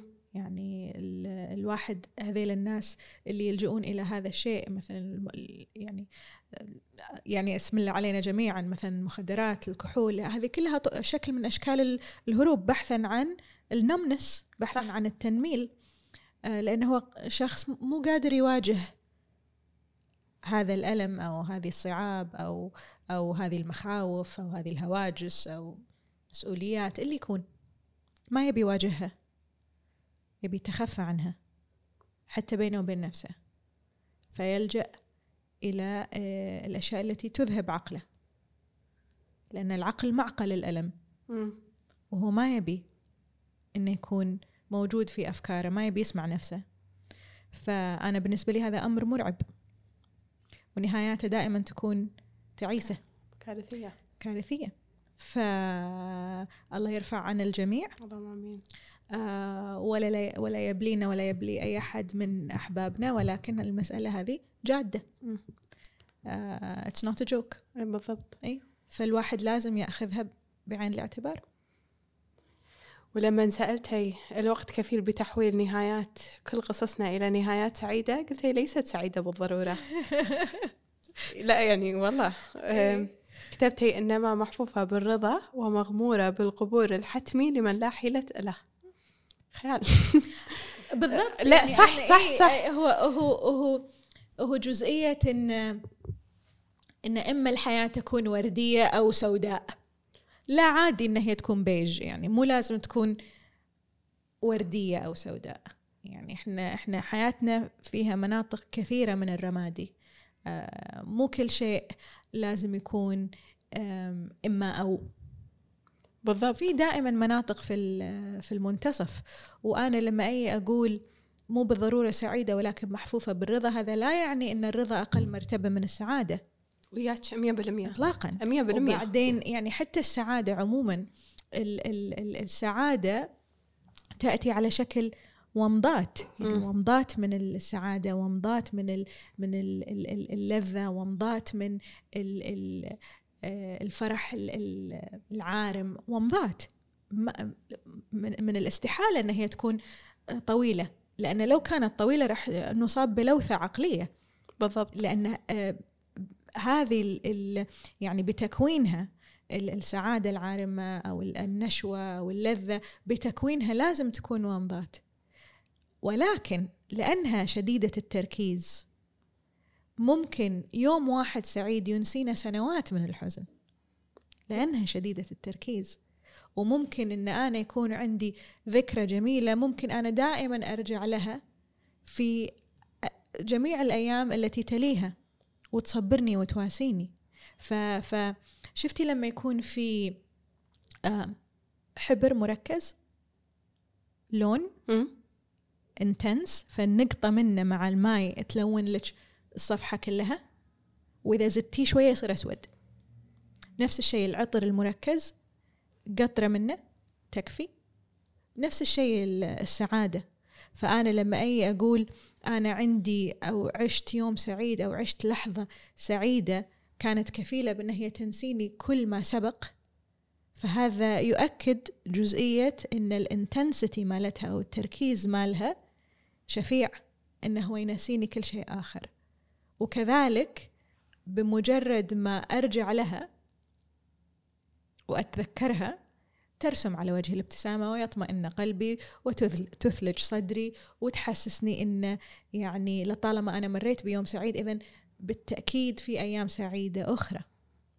فأنا لما أي أشوف كل سنوات حياتي وأقيس عليها الأيام العادية كثيرة وهي الغالبة.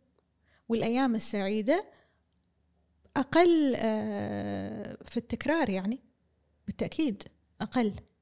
ولكن كانت كفيلة أن هي تكون بمثابة آه، آه، يعني شيء يمسح ما قبله وما بعده ويحسسني بالرضا والأمان. يكفيني. مم. صح؟ لا لأن أنت قلتي يكفيني. يكفيني. في أيام يكفيني وفي أيام ما يكفيني. شنو هو اللي ما يكفيك اللحظات السعيدة هذه مم. في أيام تواسيني كأنها safety blanket آه، يعني آه، لما تعيشين التجارب هذه أنا أقول مرة رفي... عشت تجربة وايد حلوة ويا واحدة من رفيجاتي. فقالت لي شلونها. يعني شلون قولي لي عن يومك. كان أقول لها آه، تعرفين لما تاخذين ذكرى وتحطينها كذي تاخذينها file وتحطينها بمخك وتدرين إن هذا ال file راح تطلعينه بين فترة وفترة. كل ما صارت الحياة عادية أو أو ثابتة أو مستقرة تطلعينه وتصفحين فيه وتقولين الله يا حلو هالذكرى يا زينة وتردينه مرة ثانية وتردين تطلعينه على حسب حاجتك. في أيام تكون مثلا لما انت تعيشين فعلا بحزن يعني وأنا قايلة هالشيء من قبل ساعات لما تحسين فيها وتكونين وايد داشة فيه يمتصك لدرجة تقولين حق نفسك وأنا صار فيني هالشي من قبل إنه ماكو شيء جاي ممكن يسوى اللي أنا أحسه بهاللحظة. وطبعا اللي اكتشفته ان إن أنا غلط أكثر إيه، بس بهاللحظة هذه ما كنت يعني ما في شيء ممكن أحد يقول لي إياه راح يخليني أصدق غير هالشيء أتفهم. إيه. أتفهم. لأن في في مناطق معينة بال بالحياة أحس إن أنا ما في ما في أكبر من حزني ما في من أكبر من المي وايد صعب إن أي شيء يواسيني وايد صعب إن أي شيء يسعدني. وتي تي على أيام تقولين هل أنا راح أضحك. هل راح أضحك في يوم من ال- الأيام مرة ثانية. أو يمكن أول مرة أضحك أحس إن أنا أحس بالخيانة. إن أنا شلون ضحكت؟ ما المفروض أضحك؟ ترى كل هذا طبيعي. كل هذا طبيعي. يعني ما في ما يعني ما في جدول نموذجي إن أنا والله متى راح أكون أفضل متى راح أكون أسوأ. طبيعي. طبيعي إني أشكك. أشكك إن آه، الغد راح يكون أجمل. من كذي أنا ما أحط هذه الإجابات. أنا طبيعي إني اشك لأن أنا أعرف. أنا حزنت ومريت بأيام كنت مستحيل أقتنع إن في غد أجمل. ليش يعني لازم أمر بالمصيبة ويكون غد أجمل؟ أبي اليوم أجمل مو الغد. أعرف الشعور أعرفه. ف وطبيعي طبيعي ان أمر بهذه ال- التقلبات وأحس ان ما في غد أجمل وإن الحياة آه، سيئة وإن ليش دائما أنا التي تمر بهذه الأشياء؟ ليش ليش الآخرين ما يمرون فيها؟ أرفع إيدي ولا؟ اي يعني نورمال عادي طبيعي. تصير وتمر. ما هذا هو هذا هو الشيء يعني the good and the bad اثنينهم يمرون. مم. بالضبط يعني حتى بالضبط، حتى بالضبط. الأيام ال- ال- الحلوة كله إن يعدي. أنا الحين خلاص كله يعدي. بالرخاء والهناء وكل شيء هم هم يروح كله هم يعدي. يخلص. كله يعدي. إيه. كله يعدي. هذه حقيقة الحياة. و- و- بيجيبك لأنك تكلمتي عن الضحك حبيت السؤال والحين ما لاقيته بس اشوني ذاكرته. يلا. هل الضحك يميت القلب؟ أنا شفتها. وهل سؤال يعني لي وايد لأن أنا كريكرة. يعني أنا آه، أبلة الابتدائي grade four كانت تسميني Chuckles يعني كريكرة بالعربي. لأن وايد كنت أضحك. إيه.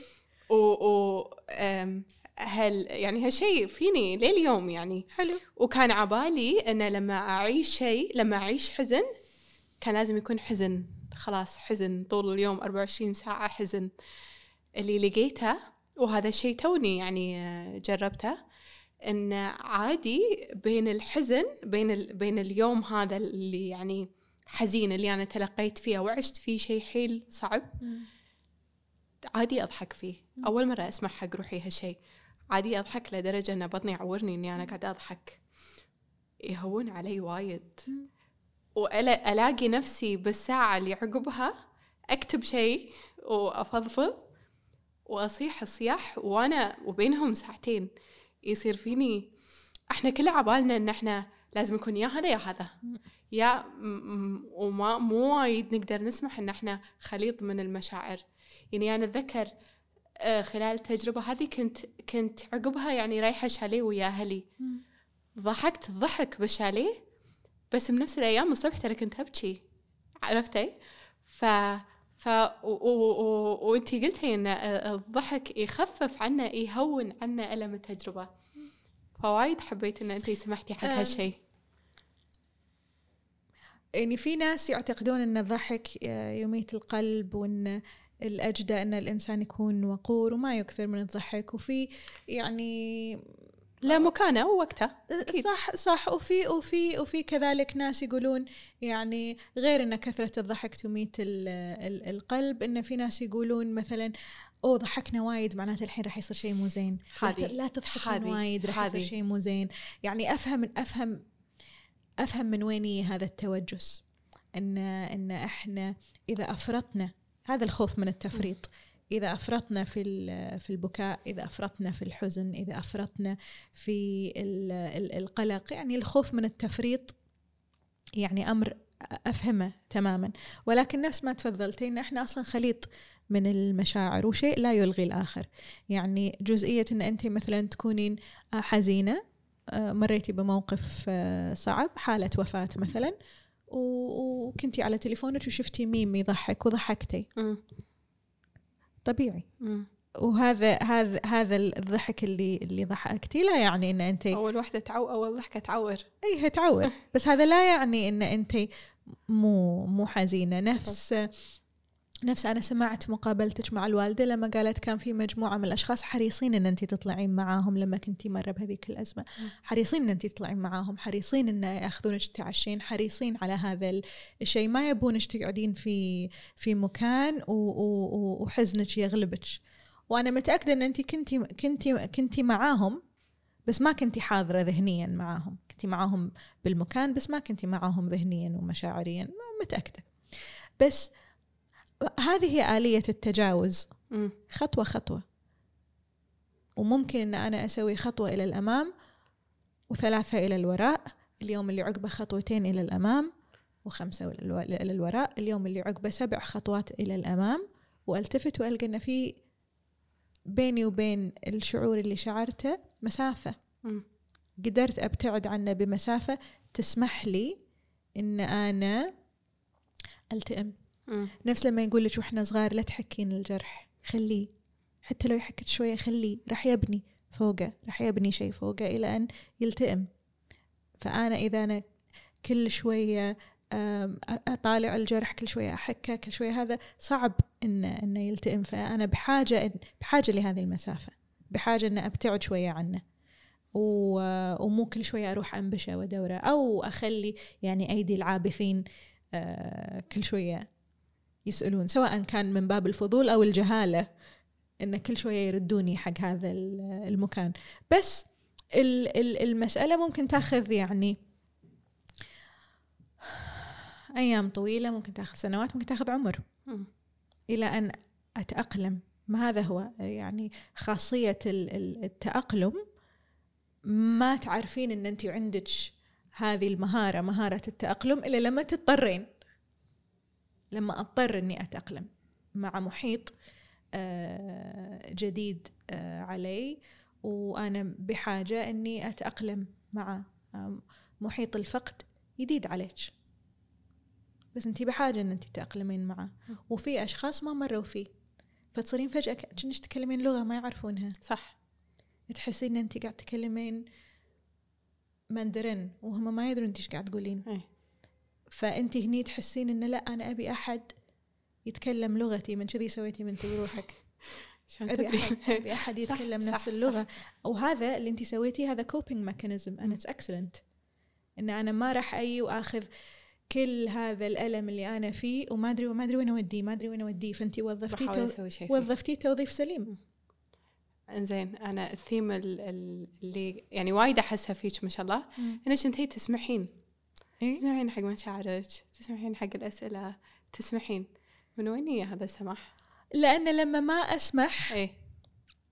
لما ما أقدر يعني آه، أترجم مشاعري أو أسمح لها أنا شوفي يعني هذا الشيء شفتي يوم يقول she learned things the hard way آه، شوفي أنا يعني أنا حاليا عمري 40 سنة. أكبر. نظرت كذا. ف...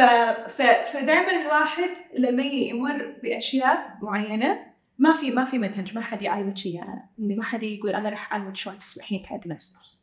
في لازم انت تمرين بأشياء معينة تجارب آه، معينة. وبعدين المرور بهذه التجارب ما يكون مرور الكرام لازم أقعد مع نفسي وأشوف هذه التجربة شلون أثرت فيني.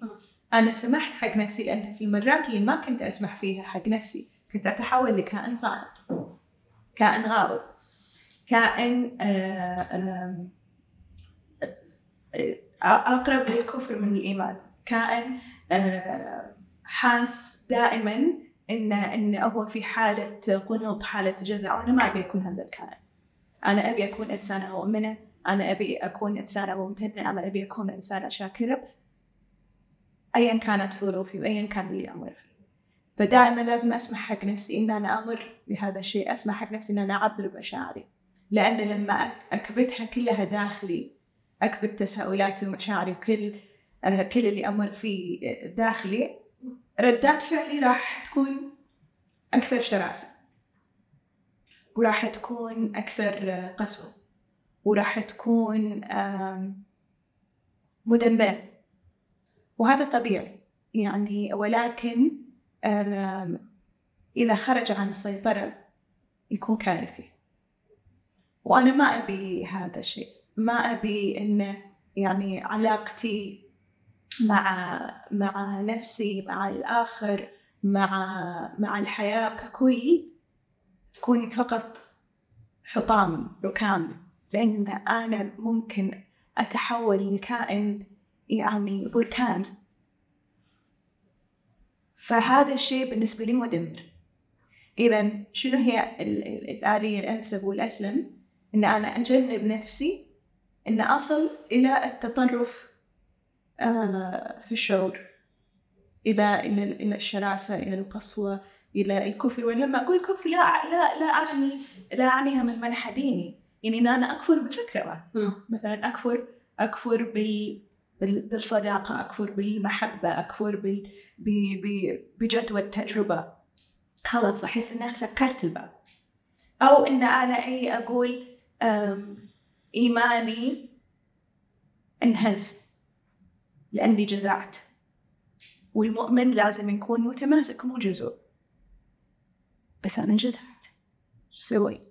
فأبدي أتساءل هل أنا فعلا مؤمنة؟ لا. بقضاء الله وقدر صح؟ قدر الله وما شاء فعل. بس ماني قادرة أعتب طبعا إحنا كلنا مريم ماني قادرة أقضي فهذا الشيء يخليش تدشين في دوامة من الأسئلة اللي اللي راح تنتهي ب آه، يعني فراغ مميت. فأنا ما أبي أصل إلى هذا الشيء. فالأجدى والأفضل إن أنا أتقبل كل اللي أمر فيه وما أخليه آه، يسيطر علي ويوديني إلى مناطق لا تحمد عقباه. فهذا بالنسبة لي أنا ما أبي أكون كائن ساخط أنا ما أبي أكون كائن جزوع أنا ما أبي أكون كائن آه، قنوط. أبي أكون مؤمنة وأبي أكون متمسكة بالأمل. حتى لو كان الكبر حتى لو كان ضئيل جدا. يخالف مع الوقت راح يكبر. لأن يعني هذا ال ال هذا يعني هذا الظلام موحش لازم تشوفين النور. حتى لو يكبر. وكتبتي عن الأمل إيه. سؤال. شنو كان؟ لا أنت كاتبه السؤال. إيه ما يعرف شلون كتابه يقول لك والله تصير ترى ناس من حماسهم إيه. يصورون الكتاب كله صفحة صفحة بالكامل من من حماسهم ويسوون لي tag فأنا ما أسوي repost لأنه يعني ودي إن الناس هم يقرونه ويجربون بس أنا أفهم إن هذا من حماسهم. بس بس في شغلة عن الأمل آه، لأن أنا عندها حط عليها نوتة والحين هي ضايعه بالنوتات. واذكر إني كنت بكلمك عنها. آه، أذكر أختي الله يرحمها كانت معطيتني كتاب اسمه The Giver ومع انه كان كتاب أطفال. بس هو يعني جدا يلعب بفكرة إنه هل هذا شيء أخلاقي ولا مو أخلاقي؟ ويعني لما خلصتها قلت لها متعب متعب. كانت تقول لي وتكلمنا عن الأمل. وما أنسى اظن بعد كلمه قالت لي it can be the most cruel thing or the most hopeful thing إذا كنتي تتمسكين بالأمل yeah. ممكن إنه يكون أجمل شيء ممكن يكون أقصى شيء. لأنك للحين ما تدرين شنو النتيجة وهذا الشيء يقعد وياي لليوم لأن هو هو إيمان. الأمل إيه إيمان. وبعدين ممكن أنت تحسين إن إن أنت تكونين مثلا هوبفل ولا متامله بشيء معين. تخافين إن انت إني أخاف أن أقع في فخ السذاجة. إن يعني أنا هل هل تمسكي بهذا الأمل فقط لأني ساذجة؟ يعني if I know better I would know. دائما نحس إن الناس والله البراغماتيين العمليين السنة كل هم كأنهم هم اللي فاهمين الحياة لأن خلاص. فيعني هذا هو النضوج. النضوج إن أصير كذي سريع وما عندي أمل بشيء وبعدين أحد يقول لك آه والله المفروض إنه ما يكون عندك expectations من أحد وعشان تعيش سعيدة يكون عندك expectation. لا لا أنا هذا الجفاف ما يناسبني إطلاقا. أنا أبي الناس تشوف الخير فيني وأبي أشوف الخير في الناس.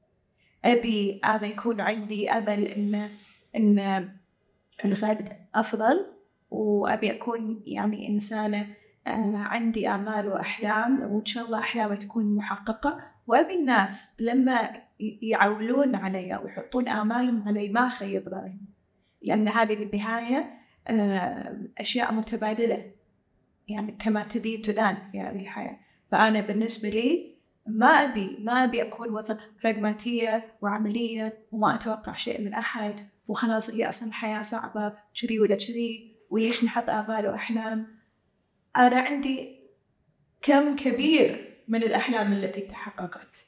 وعندي كم كبير من يعني اللطف الإلهي والستر وال الكرم اللي يفاجئني والرزق الذي أتى من حيث لا أحتسب. وايد مو شوية. وفي وفي يعني أحلك اللحظات اللي حسيت فيها إنه ما في أحد بالبشرية حاليا بهذه اللحظة يدري أنا شنو فيني أو يقدر يساعدني وأظن باشر على على على مفاجأة ربانية. فأنا وايد صعب علي إني أتخلى عن هذا كله على بناء أنا براغماتية وكول لا. I can't. فأنا دائما راح أتمسك بهذا الأمل. حتى لو كان بالنسبة للآخرين ساذج لا يعنيني حقيقة لا يعنيني إطلاقا إطلاقا لا يعنيني أي أحد. شو يعتقد؟ أنا اللي أفكر فيه زين ولا مو زين؟ حلو ولا مو حلو؟ هذه حياتي أنا فقط. وهو يشوفها من منظوري أنا لقام بما أقوم به بذكملي لأن من زاويتي أنا حاليا من المكان اللي أنا فيه أنا حاليا أنا أرى الأشياء كما هي. من زاويتي نشوفينها بشكل مختلف؟ وايد يعني صعب إذا أنت تقدرين بدالي أحقيتي في الأشياء أو صحة الأشياء أو صحة مواقفي؟ وايد صعب فأنا شخصيا دائما وأبدا راح أتمسك إن في أمل في آه، يعني يعني أيامي الآتية إن شاء الله راح تكون أجمل. في في سعادة في أحلام محققة في جدوى من الجهد في في في في بالتأكيد. اللي يبي يتخلى عنها؟ كيف ولكن هو إذا تخلى عنها عيشته راح تكون وايد صعبة. وأنا ما أبي ما أبي أختار لا لا أنا ما أبي أختار هذا الطريق. ليش؟ أنا ما أبي أختار يعني أنا عندي ظن عندي بي صح؟ بس ما أبي أختار هذا الطريق. بالعكس إن شاء الله الواحد يعني يهون هو نفسه ويسعى لغد أفضل والغد الأفضل. يعني آتي لما حاله في شغلة كنتي أنت كاتبتها عن المرآة. إن شوف أنا أنا حافظة at this point. اختبريني at this point. خلاص أنا حفظت المنهج.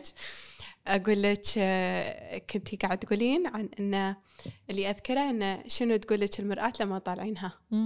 أنا هالنوع من الأسئلة أحبه. ذبحني. كان في كان في أسئلة إيه. مباشرة مثلا. يعني ما هو الحزن ما هو القلق. كيف حلوين. نتعامل بس هم كانت حلوة. حلوين حلوين. true true حلوين حلوين. بس بس في أسئلة ثانية اللي كانت تسمح لي ب بتوظيف الخيال. وأنا أي شيء يسمح لي بتوظيف الخيال أحبه.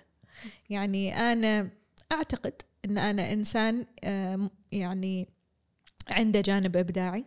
فتوظيف الخيال بالنسبة لي آه، يمنحني نشوة لا مثيل لها. فأسئلة من هذا النوع مثلا آه، ماذا تقول لك مرآتك تخليني أتخيل مشهد معين تخليني أتخيل مواقف معينة أنا كنت فيها أمام المرآة في مختلف الأيام. ويعتمد مية بالمية على يعني الحالة الشعورية اللي أنا كنت فيها أثناء الإجابة. ف... فأتذكر الإجابة. يعني أتذكر أن أنا قلت أن في مرايا تبخس الإنسان حقه وتكون آه ناقدة قاسية يعني يعني آه، بشكل ما كنت قاعدة أحاول أحاكي إما نظرة الإنسان لنفسه أو آه، قسوة محيطه. لما يكون يعني كثير المساءلة. يعني ويحاول انه هو آه، يبحث عن العيوب أكثر من ما آه، يبحث عن المحاسن. وفي ناس ممكن يكونون قاسين على نفسهم بهذا الشكل. آه، وحاولت بالإجابة أن أنا أعكس هذا الشيء بشكل الحديث عن المرأة. فقلت أن أنا مرآتي تسألني عن يومي إن أنا مرآتي أسألها آه، عن كحل المساء إيه، اللي ساح إيه. وبسبب يعني آه، الدموع القلق ما ما إلى ذلك. بس إن مرآتي دائما تؤازرني وتواسيني. وهني قاعدة أحاول أتكلم عن الصوت الداخلي للإنسان لأن دائما الإنسان ممكن يجلد ذاته ممكن يكون قاسي على نفسه خاصة لما ينظر لنفسه بعين بعين التقييم ويمسك على روح المسطرة ويحط حق روحه دفتر ويشوف يلا كم من الأخطاء أخطأنا اليوم. آه ومتى راح يتم يعني تحقيق هذا الهدف خلاص يلا تأخرنا. ليش مثلا أنا شكلي كذي؟ ليش أنا شعري كذي؟ ليش أنا وزني كذي؟ آه ليش ما سويت لي المفروض أسوي؟ هذا الجلد وهذه القسوة على الذات. أفضل وأتمنى إن إحنا يعني نتجنبها. آه لأن اللي ينظر لك في المرآة هو أنت. فأنا أنظر لنفسي بعين الحنو والرحمة. و وأسامح آه، آه، نفسي على أخطائي وأعذر نفسي. وأحاول قدر الإمكان أن أعامل نفسي كما أعامل الآخر لأن أنا دائما أحاول أني مع الآخر أكون كريمة أكون حنونة أكون منصتة أكون يعني مؤازرة. ليش لما أجي على نفسي ما أسوي هذا الشيء؟ بالضبط. لأن أنا يعني لما واحدة من رفيجاتي تبيني آه، يعني تبي آه، إني دعم يعني عاطفي وكل هالأمور هذه كلها ألاقي نفسي أول واحدة مستعدة. الحكي يعني إيش كبرة؟ بس لما تكون أنا لأن أنا لما قريتها اللي اللي فكرت فيه إن أنا مرآتي تقول لي بعد بعد بعد. بعد كل شيء بعد كل شيء بعد؟ اثقف أكثر حلقات أكثر كل شيء بعد. يعني الرد حق موضوع الكفاية. ف والحين عقب يمكن هالسؤال صار فيني لا أنا راح أناقشها بس أنا أذكر لما سألتك أول مرة مم. لما قلت لك آه، كم حلقة سويتها وكم حلقة كنت تقولي دان إحنا على التساهيل. إحنا على التساهيل. فهذه إيه. جزئية إيه؟ إن أنا أعيش آه، حياتي بدون لا أحس أنه دائما في سباق. يلا متى كم ضيف آه عندنا؟ بس أنا سباقي آه مع نفسي. إي بس ابي أسوي بس أحسن. هذا بس هذا منتج ذاتي. إيه؟ أليس كذلك؟ هذا صح منتج ذاتي. صح. فأنت لما تين تقولين أفهم رغبة الناس أو رغبتي أنا شخصيا في إني أكون نسخة أفضل من نفسي. بالضبط. أفهم رغبتي في إن مثلا أكون آه في أفضل حال. صح. يعني آه بس هم هذا يعني يتطلب الكثير. إن أنا أكون آه، دائما ناجحة ودائما آه، حالتي النفسية والعاطفية آه، والصحية ممتازة. دائما أكون ملتزمة برياضة ملتزمة بغذاء ملتزمة بساعات النوم ملتزمة بحلقات اجتماعية وعلاقات اجتماعية وطيدة. نجاحات مهنية أكون أم رائعة يكون شكلي حلو بشرتي زينة شعري زين. It's too much. It is. لا وبعدين عادي وما يخالف إن شيء من هذه الأشياء ما يكون مية بالمية. لأنه وايد صعب. أنا بالنسبة لي لما أي أقول والله أنا الحين أبي أركز على نجاحاتي المهنية أوكي.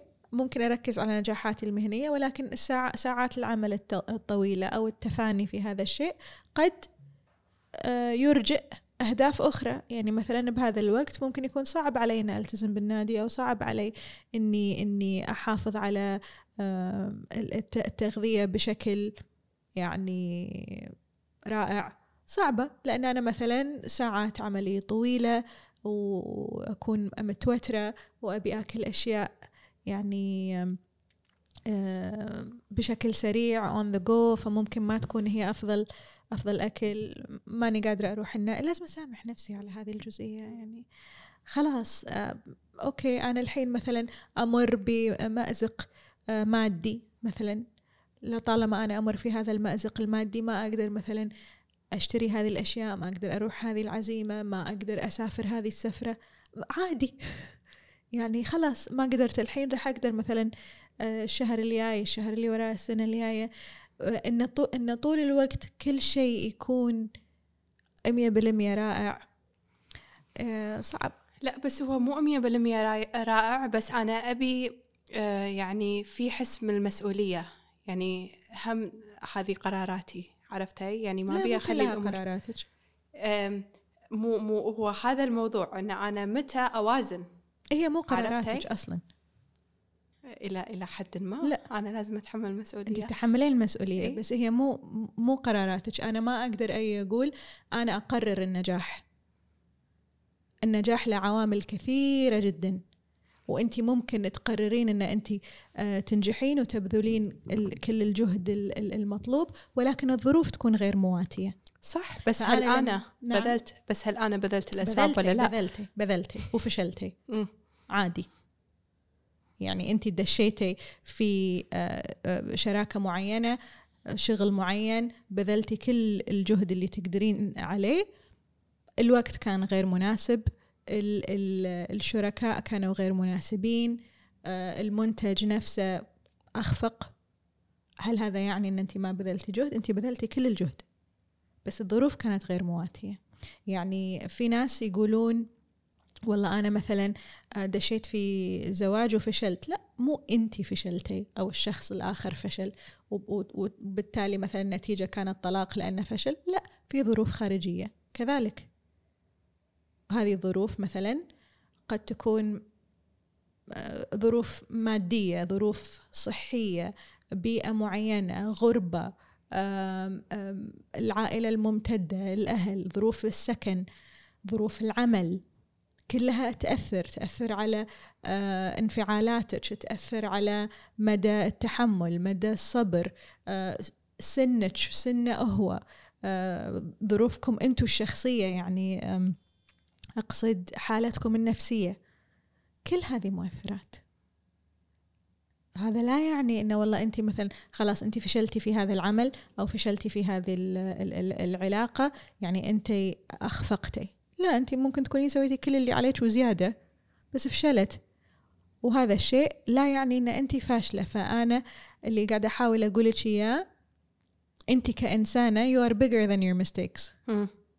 and you're bigger than your failures. آه، وكلها هذه بالنهاية آم، حقك أنت في أن أنت تخطئين. بس في ناس يخطئون in private وفي ناس يخطئون in public. في أخطاء في الناس شايفينها وفي أخطاء ناس مو شايفينها. فأنا هني أي أسأل السؤال هذا. حقك. شنو الشيء اللي أنت ممكن تسامحين نفسك فيه؟ لأنه بينك وبين, وبين نفسك بس ما تسامحين نفسك فيه إذا الناس دروا عنه. عرفتي؟ فأنت هني تين تشوفين تقولين والله أنا مثلا هذا الشيء غير ظاهر. الناس ما شافوه. فأنا أقدر أسامح نفسي عليه لكن بمجرد ما الناس شافوه ما أقدر أسامح نفسي عليه. هذا سؤال حقك وحق الجمهور. شنو هي الأشياء اللي أنا عادي إني أتقبلها في نفسي أو في حياتي لطالما ما حد درى عنها لكن إذا هم دروا عنها فأنا أعتبر أخفقت؟ صح؟ فأنا أي أقول مثلا على سبيل المثال أنا أتقبل مثلا أني آه، أضعف وأبكي in private بس صعب أبكي اون كاميرا. أو صعب أسوي يعني هذا الشيء ان بابليك هذه لحظة الضعف صعبة علي إني أسويها ان بابليك هل هذا يعني إن أنا ما يحق لي البكاء؟ لا يحق لي البكاء لكن أنا ما أبي أحد يشوفه. فأنت هني راح تقولين أنا هم يحق لي إني أفشل يحق لي إني أغلط بس أنا صعب علي إن الناس شافوه. صعب علي. يعني ماني قادرة أتقبل إن أنا أخطأت. فأنت هني تقولين بس هي مسؤوليتي هي مسؤوليتي إن أنا ما أخطئ. لا عادي تخطئين عادي. وايد عادي إن أنت تخطئين. بس هو جزئية إن أنا مو متحملة إن الناس ممكن تشوف إن أنا في قصور ما قصرته. وأنا لما أقول الناس ما أعني الك- الكرة الأرضية أنت ممكن الناس بالنسبة لك يكونون ثلاث أشخاص أو خمسة. يعني دائرتك الصغيرة الوالدين إخوانك آه، أصدقائك اتسترا تحسين إن ما أبيهم يحسون إن أنا فشلت.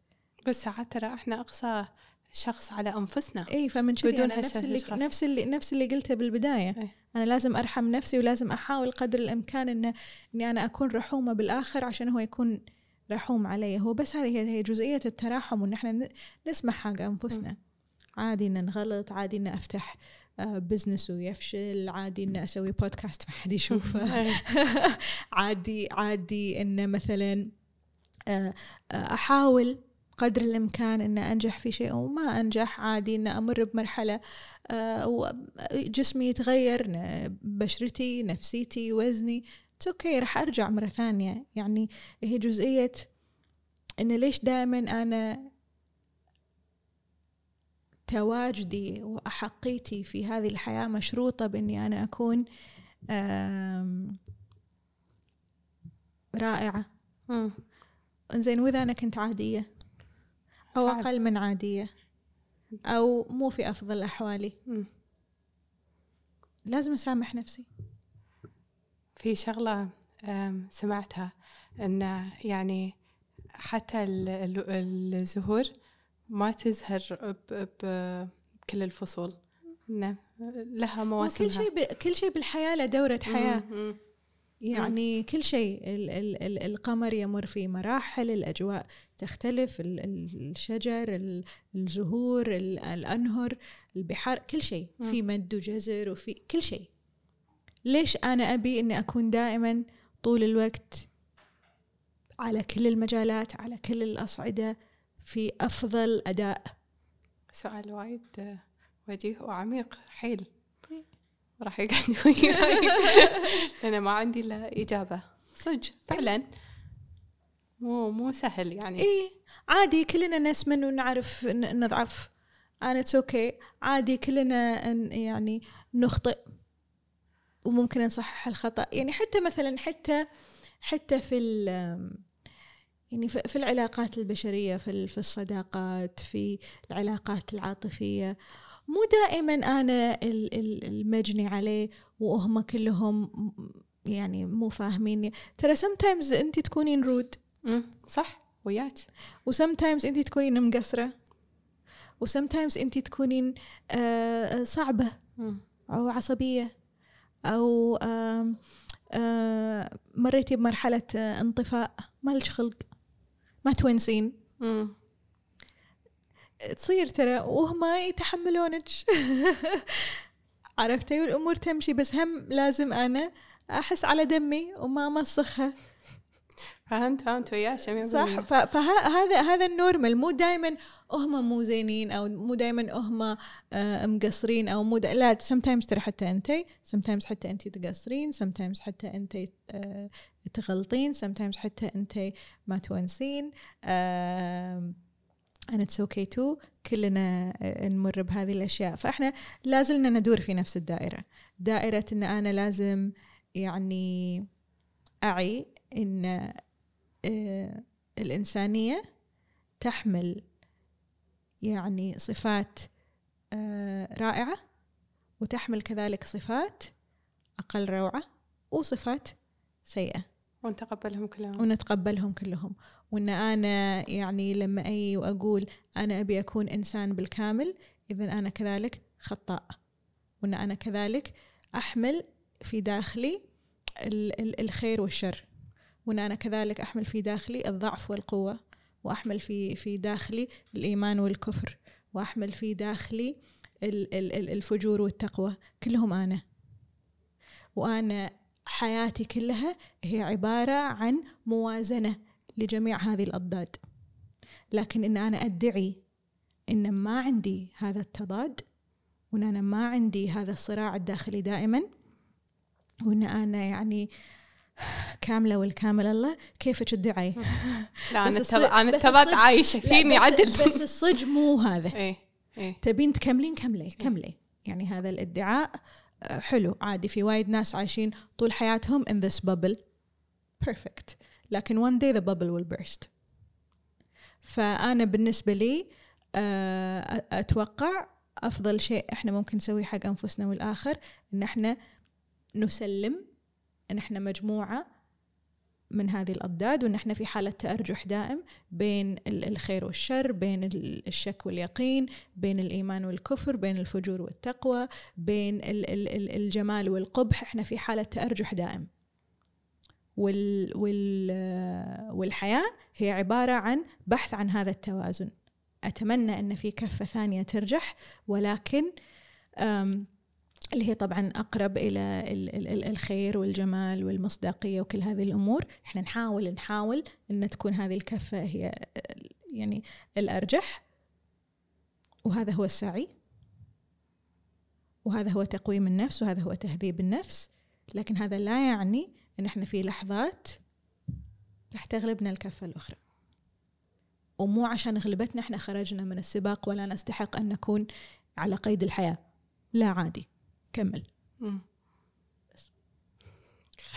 خيال جودك والله. ترى ما راح نخلص إذا كذي أنا لا.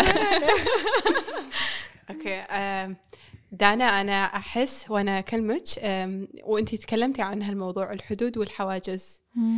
you're very well boundaried. كلميني عن هالشيء أم في شكل من أشكال ال- المحبة مم. وإحنا نسميها الميانة مم. زين يكون فيها استباحة مم.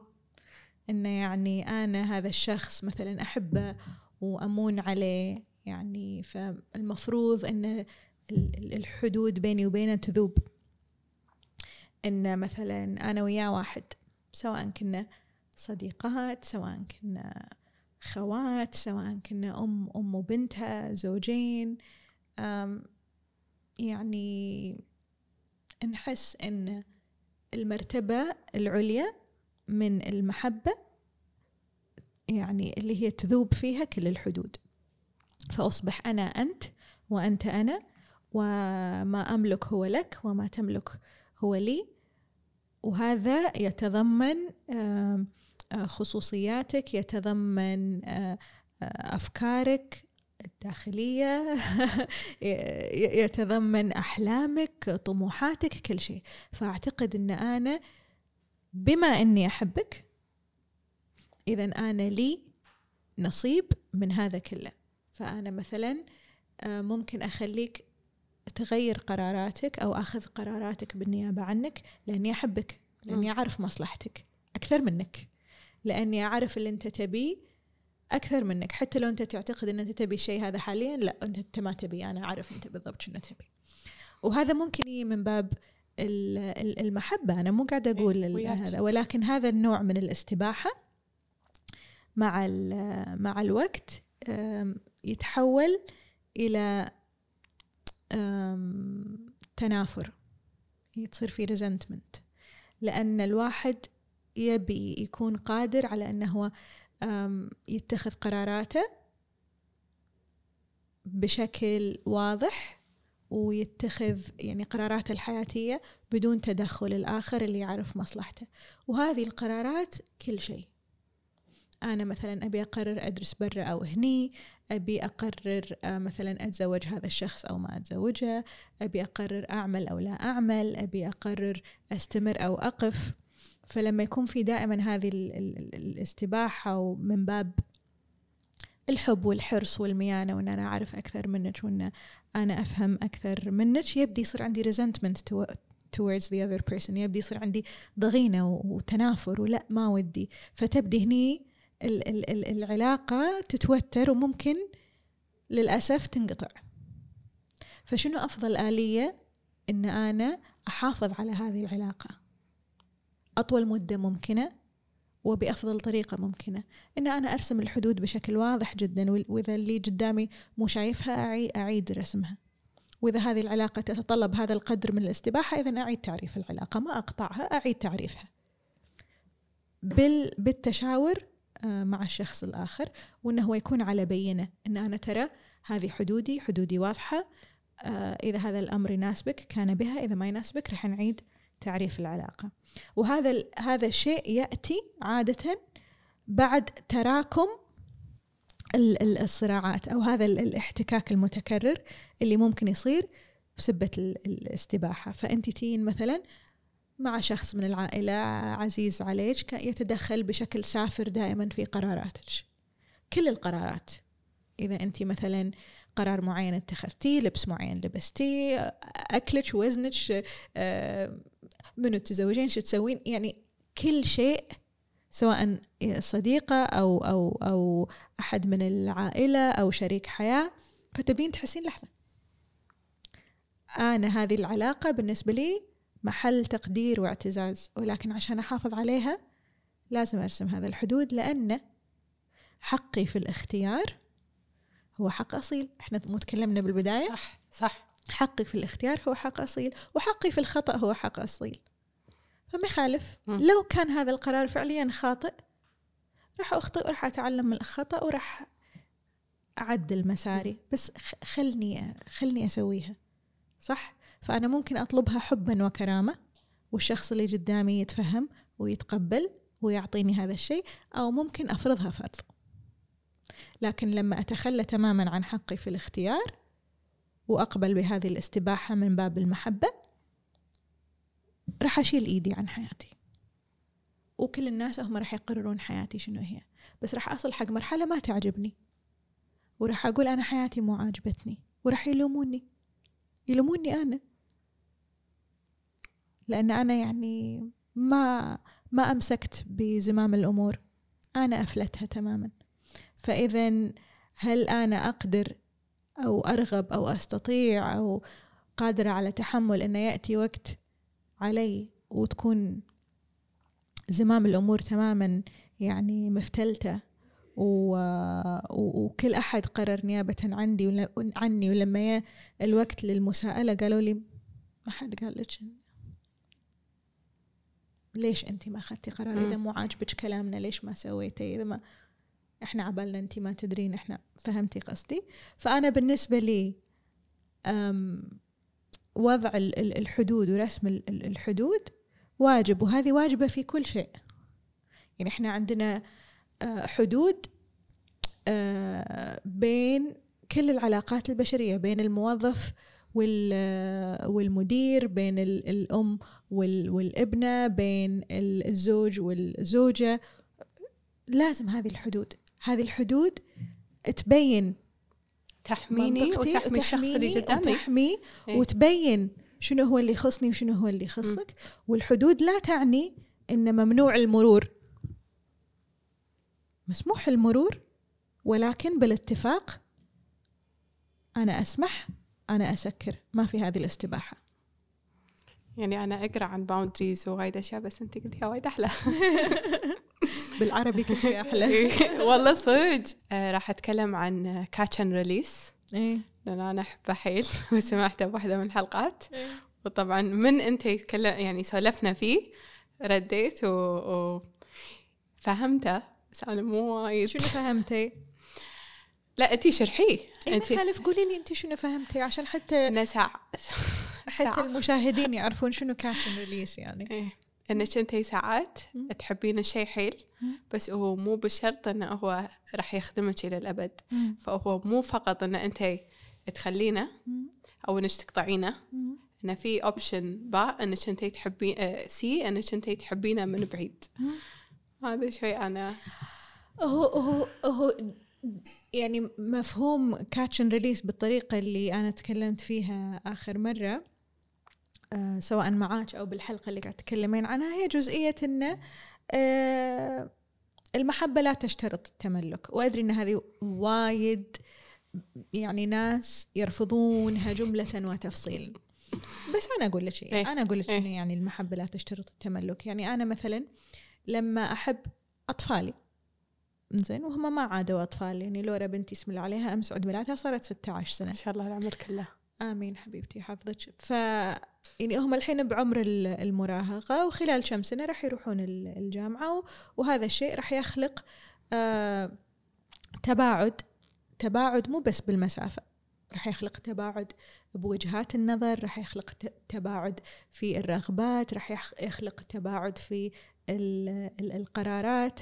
وهذا بالنسبة لي أنا مربط الفرس. ليش؟ لأن في آه وإحنا شفناها أكيد. إذا ما شفناها في الواقع شفناها بالكتب وبالمسلسلات وبالأفلام.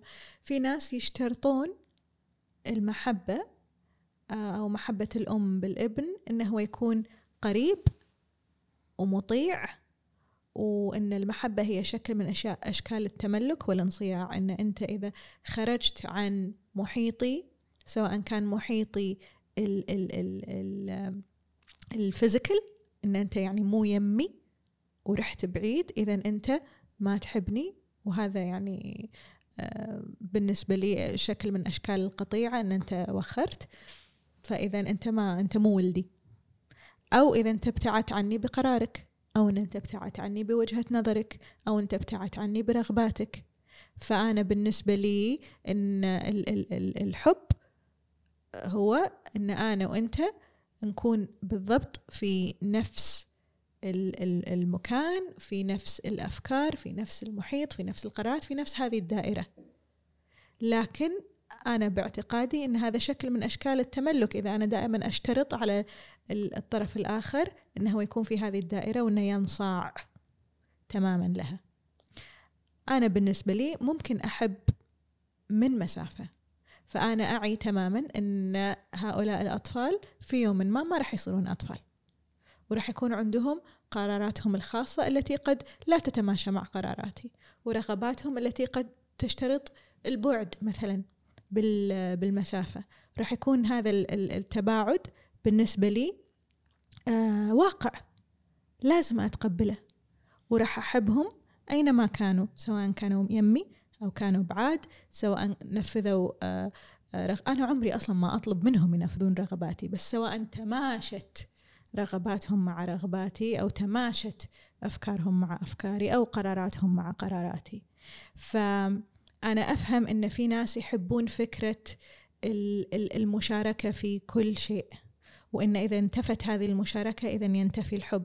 لكن أنا بالنسبة لي هذه آه، نظرة قاصرة للحب. لأن أنا ممكن أحب أحد هو أصلا مو موجود على وجه الأرض هو توفى. وكونه مو موجود لا يعني إن أنا ما أحبه.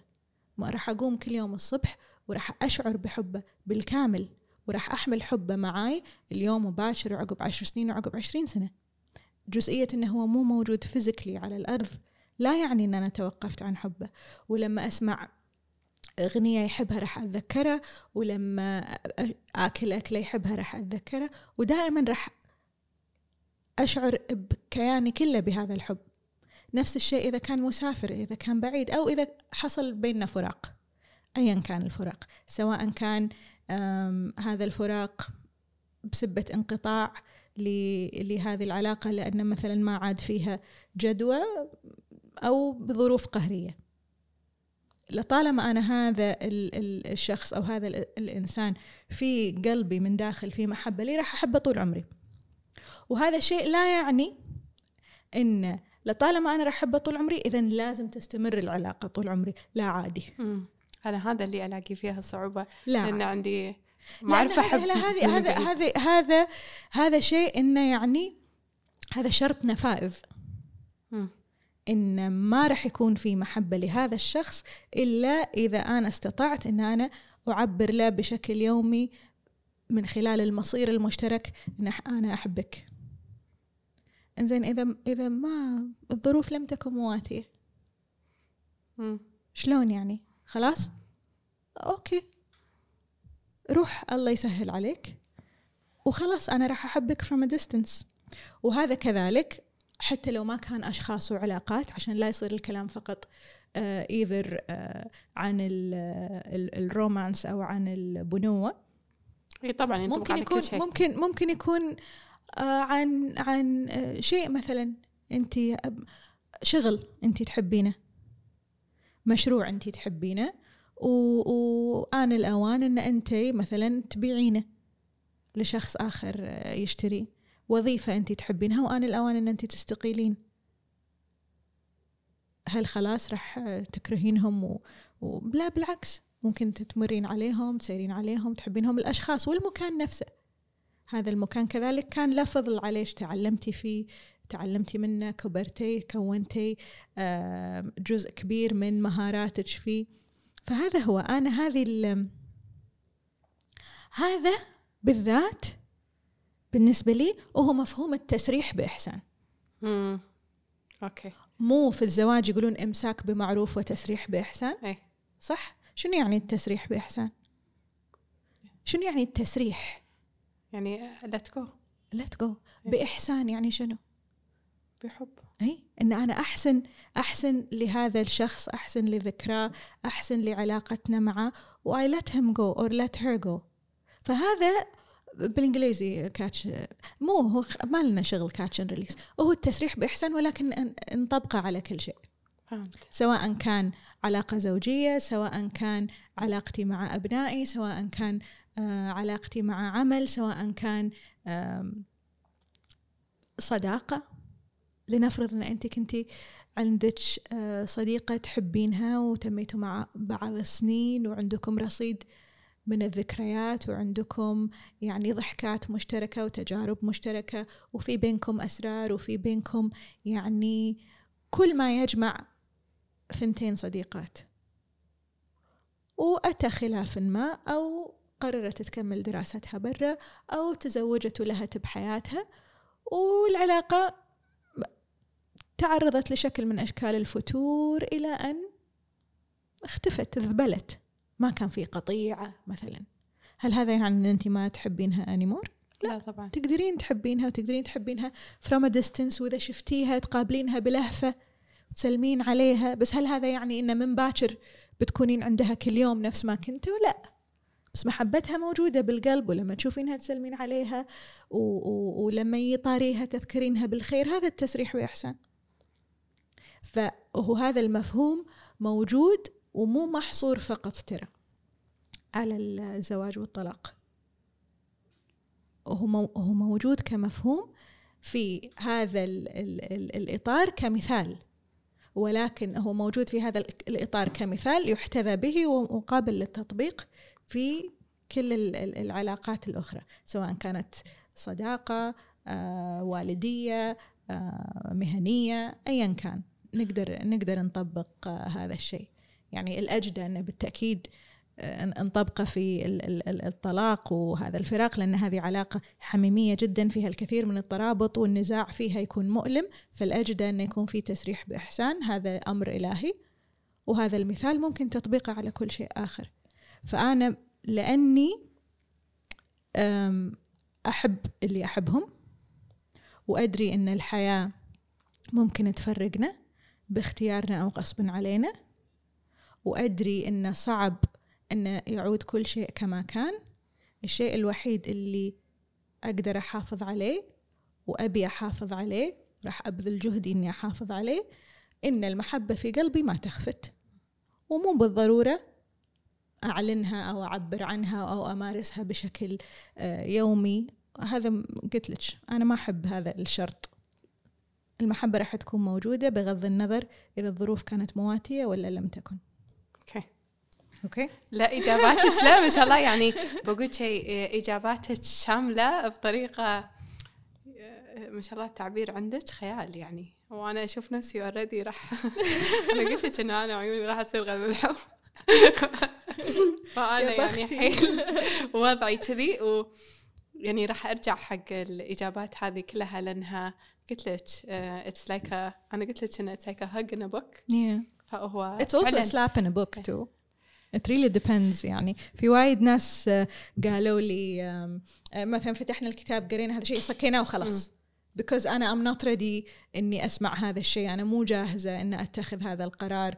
آه هذه كانت مثلا wake-up call هذه كانت صفعة بالنسبة لي.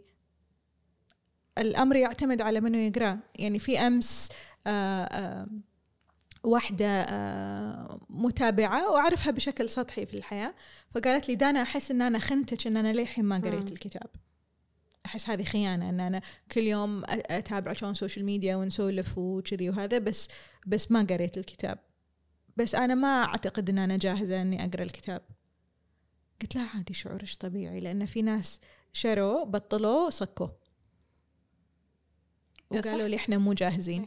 ان ان إن إحنا نقرأ كنت تقول لي ما ما أعتقد إن أنا جاهزة قلت لها okay بس on the on the other hand it's sold out everywhere فيو might as well تشترين نسخه وخشيها. عندك. إيه.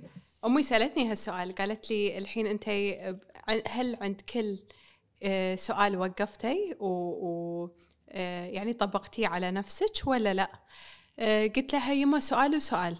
يعني في سؤال يمر علي يعني سؤال مرآة.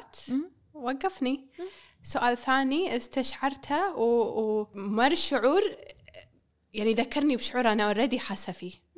بس بس قلت لها يما يعني أنا ت- تعرفيني أموت حتى فأنا اوريدي يعني افتشك وايد. فهذه يعني هذه حياتي شوي عرفتي؟ هذه حياتنا كلنا. إحنا نشابه بعض بشكل لا يعقل. إحنا كل واحد فينا عبالة إنه هو هيز يعني وهو إنسان هني في هذه الأرض وعنده this unique experience وما حد آه، يعرف حياته ولا حد يعرف هو شنو يجرب ولا شنو. صح؟ صح؟ ولكن إحنا نشابه بعض بشكل غير معقول. وكلنا عندنا ذات المخاوف وذات ال ال ال الأحلام وذات الطموحات و, و بالنهاية ال- التجربة ال- ال- الإنسانية فيها خطوط عريضة كلنا نلتقي فيها. ف سواء أنا وإنتي هني أو شخصين آخرين حاليا في جزء آخر من الكوكب. كلنا في وقت ما نسأل نفسنا نفس الأسئلة ونخاف من نفس المخاوف ونحلم ذات الأحلام ويعني و... يعني آه نقوم من النوم بسبة نفس الكو... الكوابيس كلنا. ف at the end of the day آه ال- الكتاب هذا هو مجموعة من الأسئلة الوجودية والوجدانية اللي تخطر في بالنا كلنا. فممكن شيء يلامسك اليوم؟ عقب شهر ما يعني لك شيء؟ وشيء آخر, آخر يلامسك. بس عيل ليه سميتي ما لا يقال؟ لأن أحس إنه هذا اللي مفروض ينقال. بيننا وبين يعني أوكي أكيد مو بكل قعدة بكل هذا بس يعني بيني وبين صديقاتي بيني وبين اللي يعزون علي بيني وبين حتى ال- ال- الدوائر اللي شوية أكبر مو شرط اللي اللي هي أقرب دائرة لي هذا الكلام اللي مفروض ينقال. الحلقة اللي انت سويتيها مع الوالدة أول شيء قالتها قالت آه إحنا مجتمعنا صعب مجتمعنا في وايد أقنعة تذكرين؟ لما قالت كذي. حلو كانت تقول لك حلو إن إحنا نسوي هذا الشيء ونبدي نشيل هذا ال- القناع. الأقنعة. إي. وترى مو- دائما الناس يحطون الأقنعة لل- لل- للتخفي كثر ما يحطونها انهم يحمون نفسهم. بس أنا متى ما أحتاج حماية؟ ما أحتاج حماية إذا كنت I created a safe space. فانت هني created a safe space إن الواحد يتكلم ويقول اللي الحمد. لله فلطالما أنا في محيط آمن ما راح أم، أخاف إني أشارك أفكاري بس السؤال هني لكل أم وأب وصاحب عمل وصديق صديقة. أنت شنو سويت اليوم عشان يكون محيطك آمن واللي قدامك يقدر يقول لك اللي وده يقوله بدون أي خوف من العواقب؟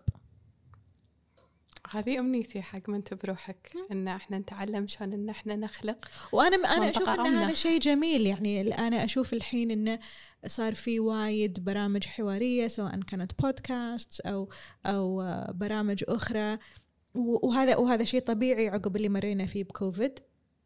آه إن إحنا كان عندنا عزلة وقلق ويعني آه الواحد قام يتساءل بينه وبين نفسه عن نفسه وعن الآخر وعن الحياة وعقبها نبي نرد الحياة بشكل طبيعي ولكن كان شوية صعب إن إحنا نرد بشكل طبيعي بدون لا إحنا نجاوب كل هذه الأسئلة.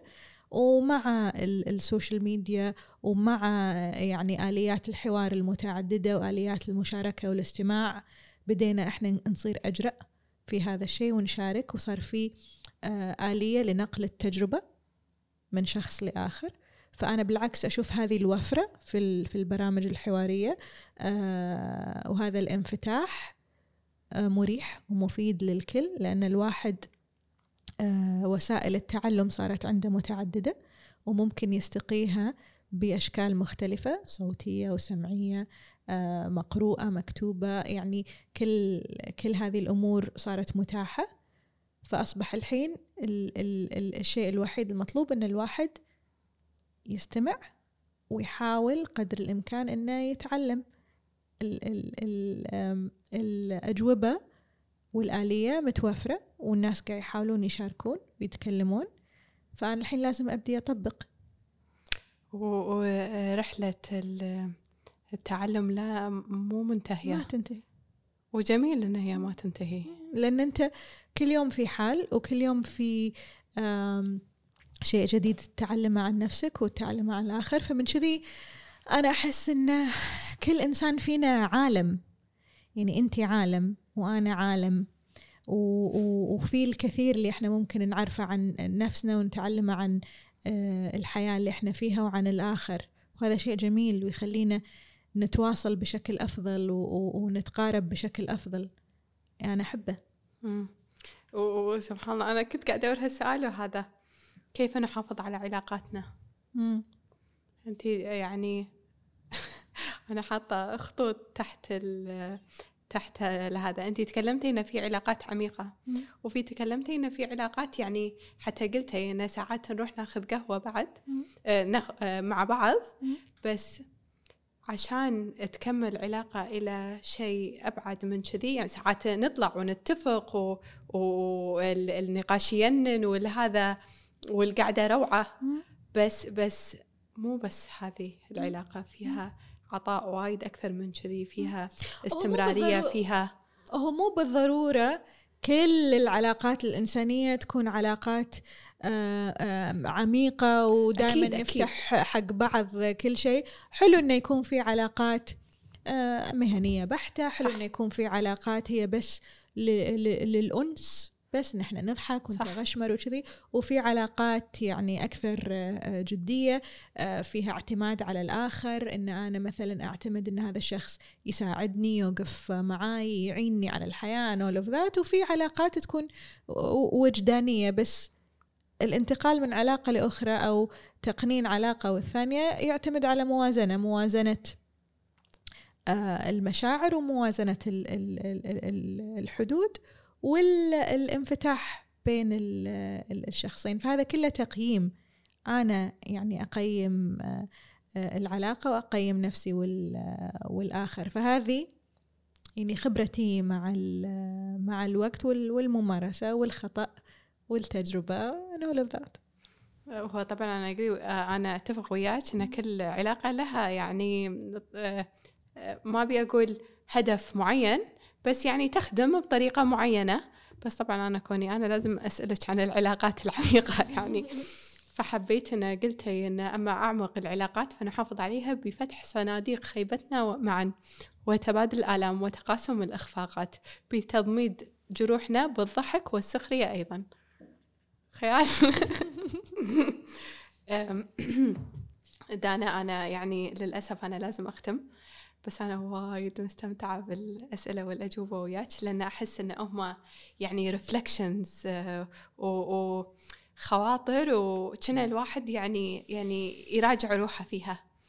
ف وهذا اللي. يعني صار مع الكتاب. فوايد وايد وايد حبيته. وأنا كنت بقول لك شغلة بس كنت قاعدة أقولها لك قبل لا نسجل ان إن أنا حاطة action board بداري. وإن شيء من الأشياء اللي أنا حطيتها هي لوحة أفعال أنا مو عشان طاقة الجذب وبتخيل وبصير أنا ما يعني أنا إي. ف... فكنت حاطة صورة آه، صورة البودكاست المفضلة عندي بال... باللوحة. ويعني و... كتذكير انه هل أنا قاعدة أتخذ خطوة اليوم تقربني حق هالشيء ولا لا؟ ولما كنت أشوفها والله العظيم كنت أتخيل إني أنا أناقش لأنه هو وايد من حلقاتها يناقش كتاب مع كاتب أحب كتابه وكل هذا. فأنا كنت أقول أصلا ما تحكي ما أقرأ عربي.